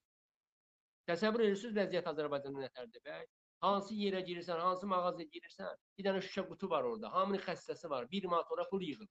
Azərbaycan vəziyyəti budur. Budur. Biz gedib Qazaxıstanı araşdırsaq, orada elə şey yoxdur. Hətta onlar bəlkə də bizdən yaxşıdır. Müəyyən o qiymət artımı deyilir ki, ha. Yəni bizim vəziyyətə gəlib çatmayıblar. Onlar ümumiyyətlə çoxdan daxil. Bu bilirsiniz biz nə halda yaşayırıq? Ümidsiz. Mən demişəm də sabahları mağazalarda bu yığışdıracaq. Qonşu da qonşuya kartof verməyəcək, çörək verməyəcək. Çünki özündə də olmayacaq. Bax onda da sən ayağa qalxanda gec olacaq. Onda da sən ayağa qalxanda sənə terrorist deyəcəklər. Sənə təxribatçı deyəcəklər. Sən çünki az qarına inqilaba qalxmazlar. Az qarına qalxan adam nə ilə nə istəyər ki, əlinə bir çörək düşsə, oradan götürüb onu yesin ya bir dənə nə. Yəni o cür inqilabların da axırı biraz yaxşı qutarmır da. Yəni siyasi müxalifət onları yığıb yığışdıra bilmir ümumiyyətlə o, o şeyə yaxın dura bilmir. Çünki üzərinə məsuliyyət yaranmış olur. Üzərinə məsuliyyət yaranmış olur. İkinci tərəfdən də ki, e, e, normal siyasi müxalifətdən söhbət gedir ki, 100 il, 100 il məsələn, mən öz partiyam haqqında danışıram. Yəni çünki bu fikirlərlə mənlə hamı başqanımdan tutmuş ə, aşağı müsavatçılar, yəni sıravi müsavatçılara qədər hamı razıdır ki, biz heç ixtisasın tərəfdarı deyil, dağıdıcılığın tərəfdarı. Amma sivil çağırışın, sivil etirazın həmişə biz yanında olacaq. Əgər təxribat biləcəyimiz halda təxribat hazırına hakimiyyət, biz insanları da ora cəlb eləməliyik. İsa bəy o vaxt deyir, niyə görə e, şeyə getmədiniz? Cəmaət sual verir ki, niyə görə 500 min çıxdı, getdi, Stalin ki, qələbə tərəfə getməzdi, elan eləmişdi azadlıq meydanında. Çünki mitinqdə paylaşanları oldu. Hətta məlumatlar o vaxt vermişlər, o tərəfdə Zafqafqazat faktları zəfətmə. Biz insanları həmişə pislərdən qorumuşuq. İstəməmişik ki, o insanlar ora gedib düşsünlər. Özümüz olsan da onun içərisindəyik. Olsan bir gün bizi ya öldürəcəklər, ya təzədən tutacaqlar. O biz göz önünə alıb gedirik. Yəni o kəfənimiz bizim boynumuzda. Amma insanları istəmərik o vəziyyətdə. Amma bunun da bir çıxış yoludur ki, elə gözləyək ki, məqam, məqam hər bir vəziyyətdə insanlar öz fikirlərini bildirməlidir. Əlkirəm bəy, elə mövzuya başda başladığımız mövzuya ilə bağlı bir son olaraq bir sual vermək istəyirəm. Yəni Qazaxstanda gördük, etirazlar müəyyən dərəcədə təsir elədi, qiymət artımına ə, qiymət artımı geri çağırıldı, ə, qiymətlər aşağı salındı. Azərbaycanda da bunun bir oxşar cəhətini görmüşdük. Yəni ə, e, məşhur yumurta ə, e, toplantısı var idi. Yəni yumurtanın qiyməti qalxanda İlham Əliyev ə, ölkənin toplantı keçirdi və nazirləri topladı və toplantının sonunda çox önəmli qərarlar verib ə, yumurtanın qiymətini aşağı salmışdı. Qazaxıstan hadisələrindən nəticə çıxararaq Azərbaycanda da İlham Əliyevin hökumətin belə bu ə, e, qiymət artımı ilə bağlı qərarı geri çağırma və ya qiymətləri yenidən aşağı salma ehtimalı varmı? Çünki ə, e, çox yüksəlib. Yəni ə, e, çörəyin özündə ha hakimiyyət nümayəndələri nə qədər bunu təklif etsə də ki, çörəyin qiyməti qalxıb, deputatlar bunu təsdiq eləyirdi, amma yəni biri dedi çörək yaz yeyin, sağlamlığa ziyandır, biri çıxdı dedi heç xalqın cibinə ziyan eləməyəcək və s. amma un məmulları çörəyin qiyməti qalxdı, digər sosial belə deyək kommunal xərclər qalxıb. Yəni bununla bağlı Qazaxıstanı da göz önünə gətirərək İlham Əliyev ki, yəni Azərbaycanda da sosial partlayış ola bilər. Qiymətlərin yenidən tənzimləndirilməsi ehtimalı varmı sizcə? Mən arzulayardım ki, o baş versin, amma bu hakimiyyətdə qeyri-mümkündür baş versin. Çünki yəni Azərbaycanda azad biznes yoxdur. Yəni o şəraiti yaratmayıblar. Əgər o azad biznes olsaydı, e, heç Azərbaycanda bu qədər qiymət artımı da olmazdı. Yəni çörək istehsalı, un məmulatı, taxıl istehsalı, ondan sonra ölkəyə daşınan ərzaq məhsulları. Tək çörək qalxmayıb ki bu günlərdə. Qənd də bir dəqiqə bahalaşır. Çörəklə nə bişir? Un məlumat. Makaron var, o birisi var. var. Yəni müəyyən şeylər var. Bunlar da Azərbaycanda həmin onun hesabına bişir. Düzdürmü? Yəni Azərbaycanda azad bir ticarət qoysaydılar, yenə deyirəm, gömrükdən o tərəfə bura daşınası bir mallar olsaydı, artıq bu qiymət artımı heç vaxt olmayacaqdı. Çünki ona görə olmayacaqdı ki, ona görə olmayacaqdı ki, o qiymət artımı. Artıq həmin o bizneslə məşğul olan insanlar bazar iqtisadiyyatını tənzimləyə biləcəkdir. Azərbaycanda bütün iqtisadiyyat monopoliyadır. Taxılın istehsal e, əkinindən tutmuş, dərman o taxıla verilən o dərmandır, hansı gübrələrdir, əkin sahələrdir, hamısına qarşı meyvənin əkininə qədər hamısı Əliyevlərin monopoliyasındadır böyük şəbəkələrdir, Bravodur, o biri digər şəbəkələrdir. Bunlar hamısı bu rejimin. Ona görə Azərbaycanda azad ticarət, azad iqtisadiyyat olmadığına görə o qiymət tənzimləməsi də Azərbaycan hakimiyyətinin qeyri-mümkün olur. Yəni bunun şey e, bu iqtisad tərəfləri də var da, yəni bunu da nəzərə alaq. Amma yenə də deyirəm, bu vaxta qədər bu qədər benzin qalxdı, benzinin qiyməti qalxdı, sərlərxanın qiyməti qalxdı. Nə baş verdi ki? İstədilər kimi qayğılırdı. Bir də ki, cəmiyyətin ağzına bir söz salırlar da, birinci qiyməti qaldırmaqda şayə yaradır. Məsələn, deyir qazın qaz, qazın qiyməti qaz. Cəmaət də belə deyir, soğuqdan ölməyəcəm ki, dərmana pul verincə buna ver. Rahat hökumət öz işini görür. Axşam da həmin o benzinin qiymətini qaldırıb yaxud da ki, yanacağın və yaxud digər qazın, işığın qiymətini qaldırır. İkincisi də ki, Azərbaycan e, vətəndaşın elə bir resursu, gücü, elə bir məhkəmə sistemi, ümidli məhkəmə sistemi yoxdur axı ölkədə. Həmin o e, idarələri müəyyən o qrup şeylə apara bilən məhkəmədə bir uduş eləyir. Azərbaycan hakimiyyəti, Azərbaycan e, cəmiyyəti köməksiz bir haldadır. Həm hüquqi tərəfdən, həm iqtisadi tərəfdən. Bunu bunlar üçün fərq eləmir. Yəni elə bir güc görmürlər ki, bu hakimiyyətdə durub kimsə ən yenə də deyirəm, Tərtər hadisəsindən böyük müsibət yox idi ki. Allah rəhmət etsin, generalımız Polad Həkimovun anası nələr açıqlayıb, cəmiyyət gör qalxır, hara qalxacaq ki? Yəni çörək qoyaq, qoysa, indi çörəksiz qalaq da deyə, evi yoxdur da. İndi biz əvvəlki dövrə qayıdırıq da, qara çörək zət deyərik, 41-45 elə bir. Yəni ona. Bu boyda hadisələr baş verir, cəmiyyət reaksiya vermir, deyir mən danışaram, mən aparam. Deyirsən Allah mənim yanımda az danışır, məni tutub apararlar. Danışan mənə bu qorxur. Deyir mənim yanımda az danış, məni tutub apararlar. Ya ona görə deyir və mən durum yenə deyirəm, biz cəmiyyətimizi, xalqımızı heç vaxt belə aşağı görüb ha, yəni əstəğfurullah. Çünki bu cəmiyyətin hesabına sabahları yenə o müxalifət cəmiyyət hesabına hakimiyyətə gəlməyə ümidlidir. Yəni o cəmiyyətin içindən çıxmışıq biz, o xalqın nümayəndəsi. Mən təsəvvür, təsəvvür birinci insanların aktivləşmək istəmirəm, onlara e, təklif verərəm ki, siyasi əsl siyasi partiyalara gedib üzv olsun. Çünki Azərbaycanda hakimiyyətin dəyişməyə təşkilatlanma lazım. Bütün dünya da sivilizasiyada təşkilatlanmış partiyalarla hesablaşır. Fikir verin, o, onun içərisində xalqın kütləsində təxribat olsa belə, Amerikası, Avropası biraz o şeylərə qarışmırlar, kənarda dururlar, buraxırlar ölkənin öz daxilinə, onda da o rejimlər cəmaatı əzir. Təşkilatmış, təşkilatlaşmış formada e, insanlar mübarizəsindən qoşulma, insanlar mübarizəyə qoşulmaq pərakəndə formada olan mübarizələrin də bir effekti az olur. Bizim Qazaxstanda da əlbəttə ki, Zəvərəri başqan da qeyd elədi çıxışında, e, əlbəttə ki, insanları bir-bir təşkilatlandırmamışlar ki, sən çıxarsan mitinq eləyərsən. O xalqın bir etirazı idi, üsyanı idi qiymət artımına Qazaxstanda. Bizdə də orada da ki, deyirəm müxalifət yox idi ki. Biz də burada yəni müxalifət, mən də müxalif. Mən də bilsəm ki, sabahlarda əlbəttə ki, cəmiyyət qalxıb ayağa, gedir mən siyasi partiya mənsubiyyətimi qoyuram. O yüzden mən adi vətəndaş kimi mən də o aksiyaya ola bilərəm də. Orada vətəndaş kimi iştirak edə bilərəm ki, ay, mənim də evimdə çörəyim qalxmış.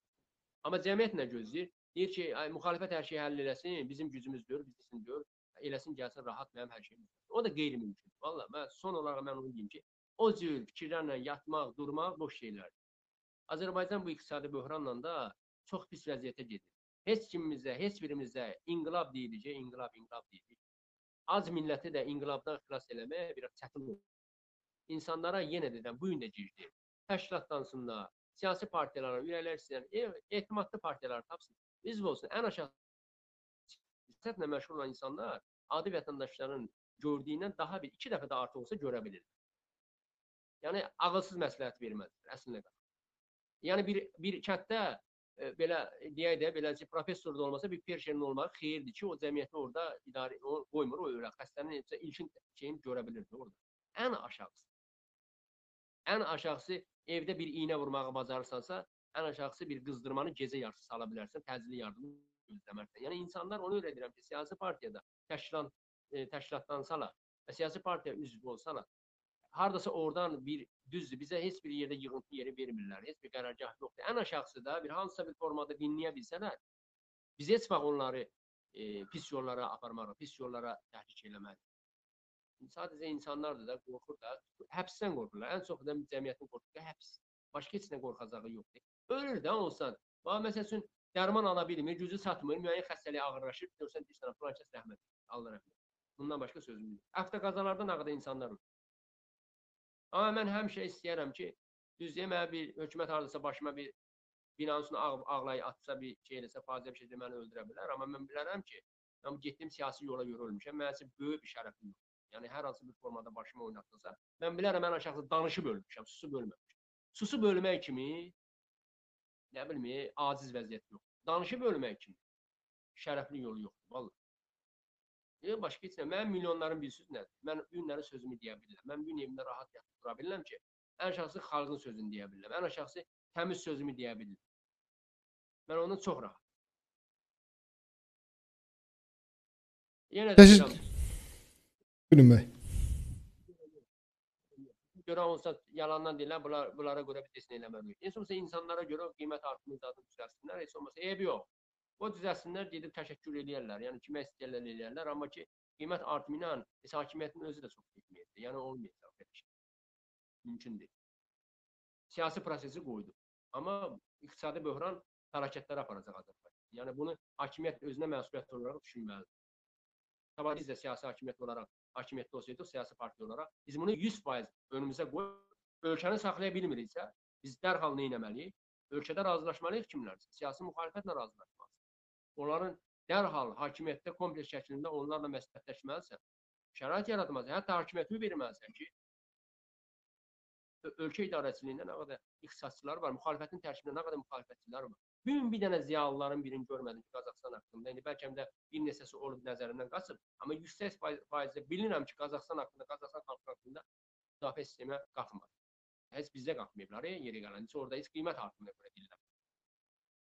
Yəni ziyalısı da olmayan ölkə məhvə məhkumdur. Da artıq onun başqa bir yolu qalmır. Bu qədər. Təşəkkür edirəm bəy. Maraqlı söhbət oldu, maraqlı müzakirə oldu. Ümid eləyək ki, yaxında ən azından siz qeyd etdiyiniz kimi e, insanların sosial durumu yaxşılaşar. Yəni müxalifətin hakimiyyətə gəlib gəlməməyi təbii ki, biz istəyirik ki, ölkədə demokratik seçki keçsin, demokratik qüvvələr hakimiyyətə gəlsin, amma bundan öncə ən azından hakimiyyət bu insanların sosial durumunu yaxşılaşdırsın ki, e, insanlar bir evinə, uşağına, ailəsinə e, bir parça da olsa çörək aparıb onları dolandıra bilsin.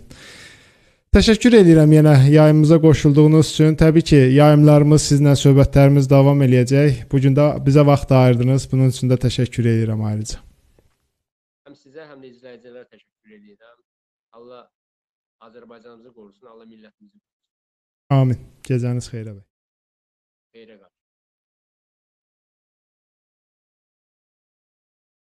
Dəyərli izləyicilər, e, bu gün sosial-iqtisadi durumdan söhbət açdıq. Müəyyən sözlər məsəl üçün işlətdik. Elə mənim şəxsən özüm e, neçə ifadə işlətdim. Bəlkə də bəzi izləyicilərin xoşuna gəlmədi. Məsəl üçün biraz öncə bir izləyici təbii ki, o yazdığından bəllidir ki, o e, Əlikiram bəyin də qeyd etdiyi kimi 300-400 manata e, yaşamağı yaşa yaşayıram deyən e, trollardandır, amma yenə də onun fikrini də, yəni bizdə gördüyünüz kimi heç kimi blok etmirik, heç kimi e, sözünü kəsmirik. Hətta bu e, trollar belə bizim səhifəmizdə öz fikirlərini bildirə bilirlər. E, yəni Məsələ nədir? İndi Qazaxıstan məsələsində hakimiyyətə müəyyən dərəcədə sərf elədi Qazaxstanda hadisələrin başlaması. Çünki gündəm mövzusu danış dəyişdi. Ölkədə ə, unun çörəyin qalxmasından danışırdı xalq, amma birdən-birə Qazaxstandakı hadisələrdən danışdı. Amma bir tərəfdən mənim şəxsi fikrimdir ki, hakimiyyətin biraz da düşündürməlidir əslində ki, Qazaxstanda baş verən hadisələr ə, nədən başladı? Sosial-iqtisadi durum ağırlaşdı insanlarda və insanlar hətta Qazaxıstanda, yəni ə, Azərbaycanda müəyyən dərəcədə müxalifət var, sözünü deyirdi, ən azından ə, insanların sözünü ifadə eləyirdi və bu da biraz ə, müəyyən şeylərin dəyişməsinə, müəyyən şeylərin normal qalmasına şərait yaradırdı. Amma Qazaxstan kimi ölkədə müxalifətin olmadığı bir ölkədə belə insanlar qalxdılar e, müxalifətin olmamağı son hadisələri göstərdi ki, nəyə gətirib çıxartdı. E, hadisələri belə deyək, mütəşəkkil idarə eləyə biləcək bir insan müxalifətçi olmadığına görə bu gün Qazaxstanda bəlkə də kütlə hələ ki, o etirazsız kütlə hələ ki e, istənilənə nail olmadı, amma Azərbaycanda vəziyyət tam fərqlidir. Azərbaycanda də dövlət idarəçiliyini görmüş, istərsə də uzun illərdir bu dövlətin normal bir e, qaydada idarə edilməsi üçün çalışan bir müxalifət var. E, müxalif qüvvələr var, insanlar var ki, məsəl üçün Əlikrəm bəy kimi şəxslər var ki, onlar uzun illərdir bu yoldadır və sabah əgər xalqın bir etiraz kütləsi, etiraz qüvvəsi olarsa, onu idarə etməyə ən azından ixtişaşlar olmasın deyə doğru yönləndirə biləcək şəxslər var. Yəni bu çox şey deməkdir. Qazaxstanda hələ ki bu olmadığına görə yenə deyirəm, ölkə ölkədə etirazçıların fikri e, müəyyən dərəcədə yerinə yetdi. E, hakimiyyət geri addım atdı və s. amma normal bir müxalifət olsaydı orada mən düşünürəm ki, çox bu qədər uzun çəkmədən artıq e, ölkədə e, normal dəyişikliklər ola bilərdi. Və dediyim ifadələr məsəl üçün bizim Qazax xalqından nəyimiz əksikdir? Biz heç də öz xalqımızı, öz millətimizi əksiltmək mənasında bunu demirik. Yəni müxalifətçilərin, bizlərin biraz da necə deyirlər, yandığımızdan bu sözü deyirik ki, yəni necə ola bilər ki, e, bəlkə də SSR-nin dağılmağına, müstəqilliyin mübarizəsində öndə getməyinə, SSR-in dağılmağına səbəb olan bir xalq bu günləri bir balaca ailənin e, əsarətində qalıb, bir balaca ailənin e, diktaturasından qurtula bilmir. Yəni bunu həzm eləyə bilmir. Bir insan şəxsən mən həzm eləyə bilmirəm ki, necə olur bu xalq Qarabağda o cəsarəti, gücü göstərən xalq bu günləri e, Əliyev hakimiyyətinin necə deyirlər, əsarətində qalıb, e,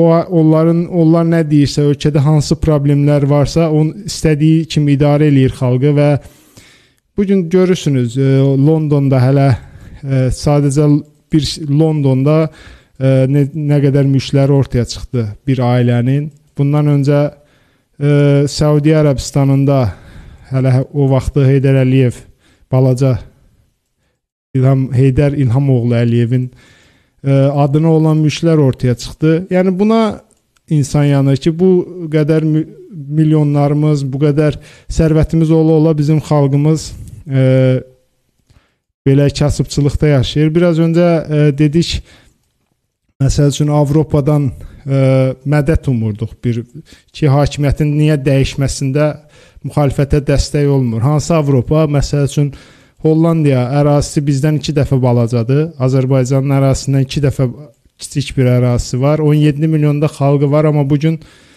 Hollandiyadakı yaşayış e, hər kəsə məlumdur. Yəni insanlar necə e, belə deyək, hansı səviyyədə yaşayır, oradakı maaşın, dolanışıq səviyyəsinin və e, durumu insanlara məlumdur.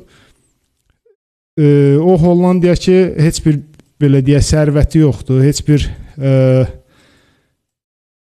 sadəcə hakimiyyətinin idarə etmənin nəticəsində bu gün Hollandiya Avropanın ən inkişaf eləmiş, dünyanın bəlkə də ən inkişaf eləmiş ölkələrindən biridir.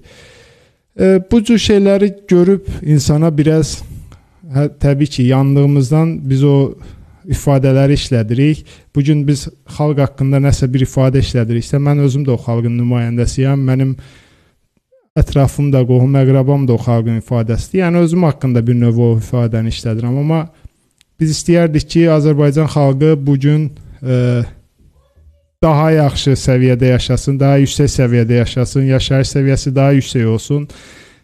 Bir ailənin əsrinə çevrilməsin.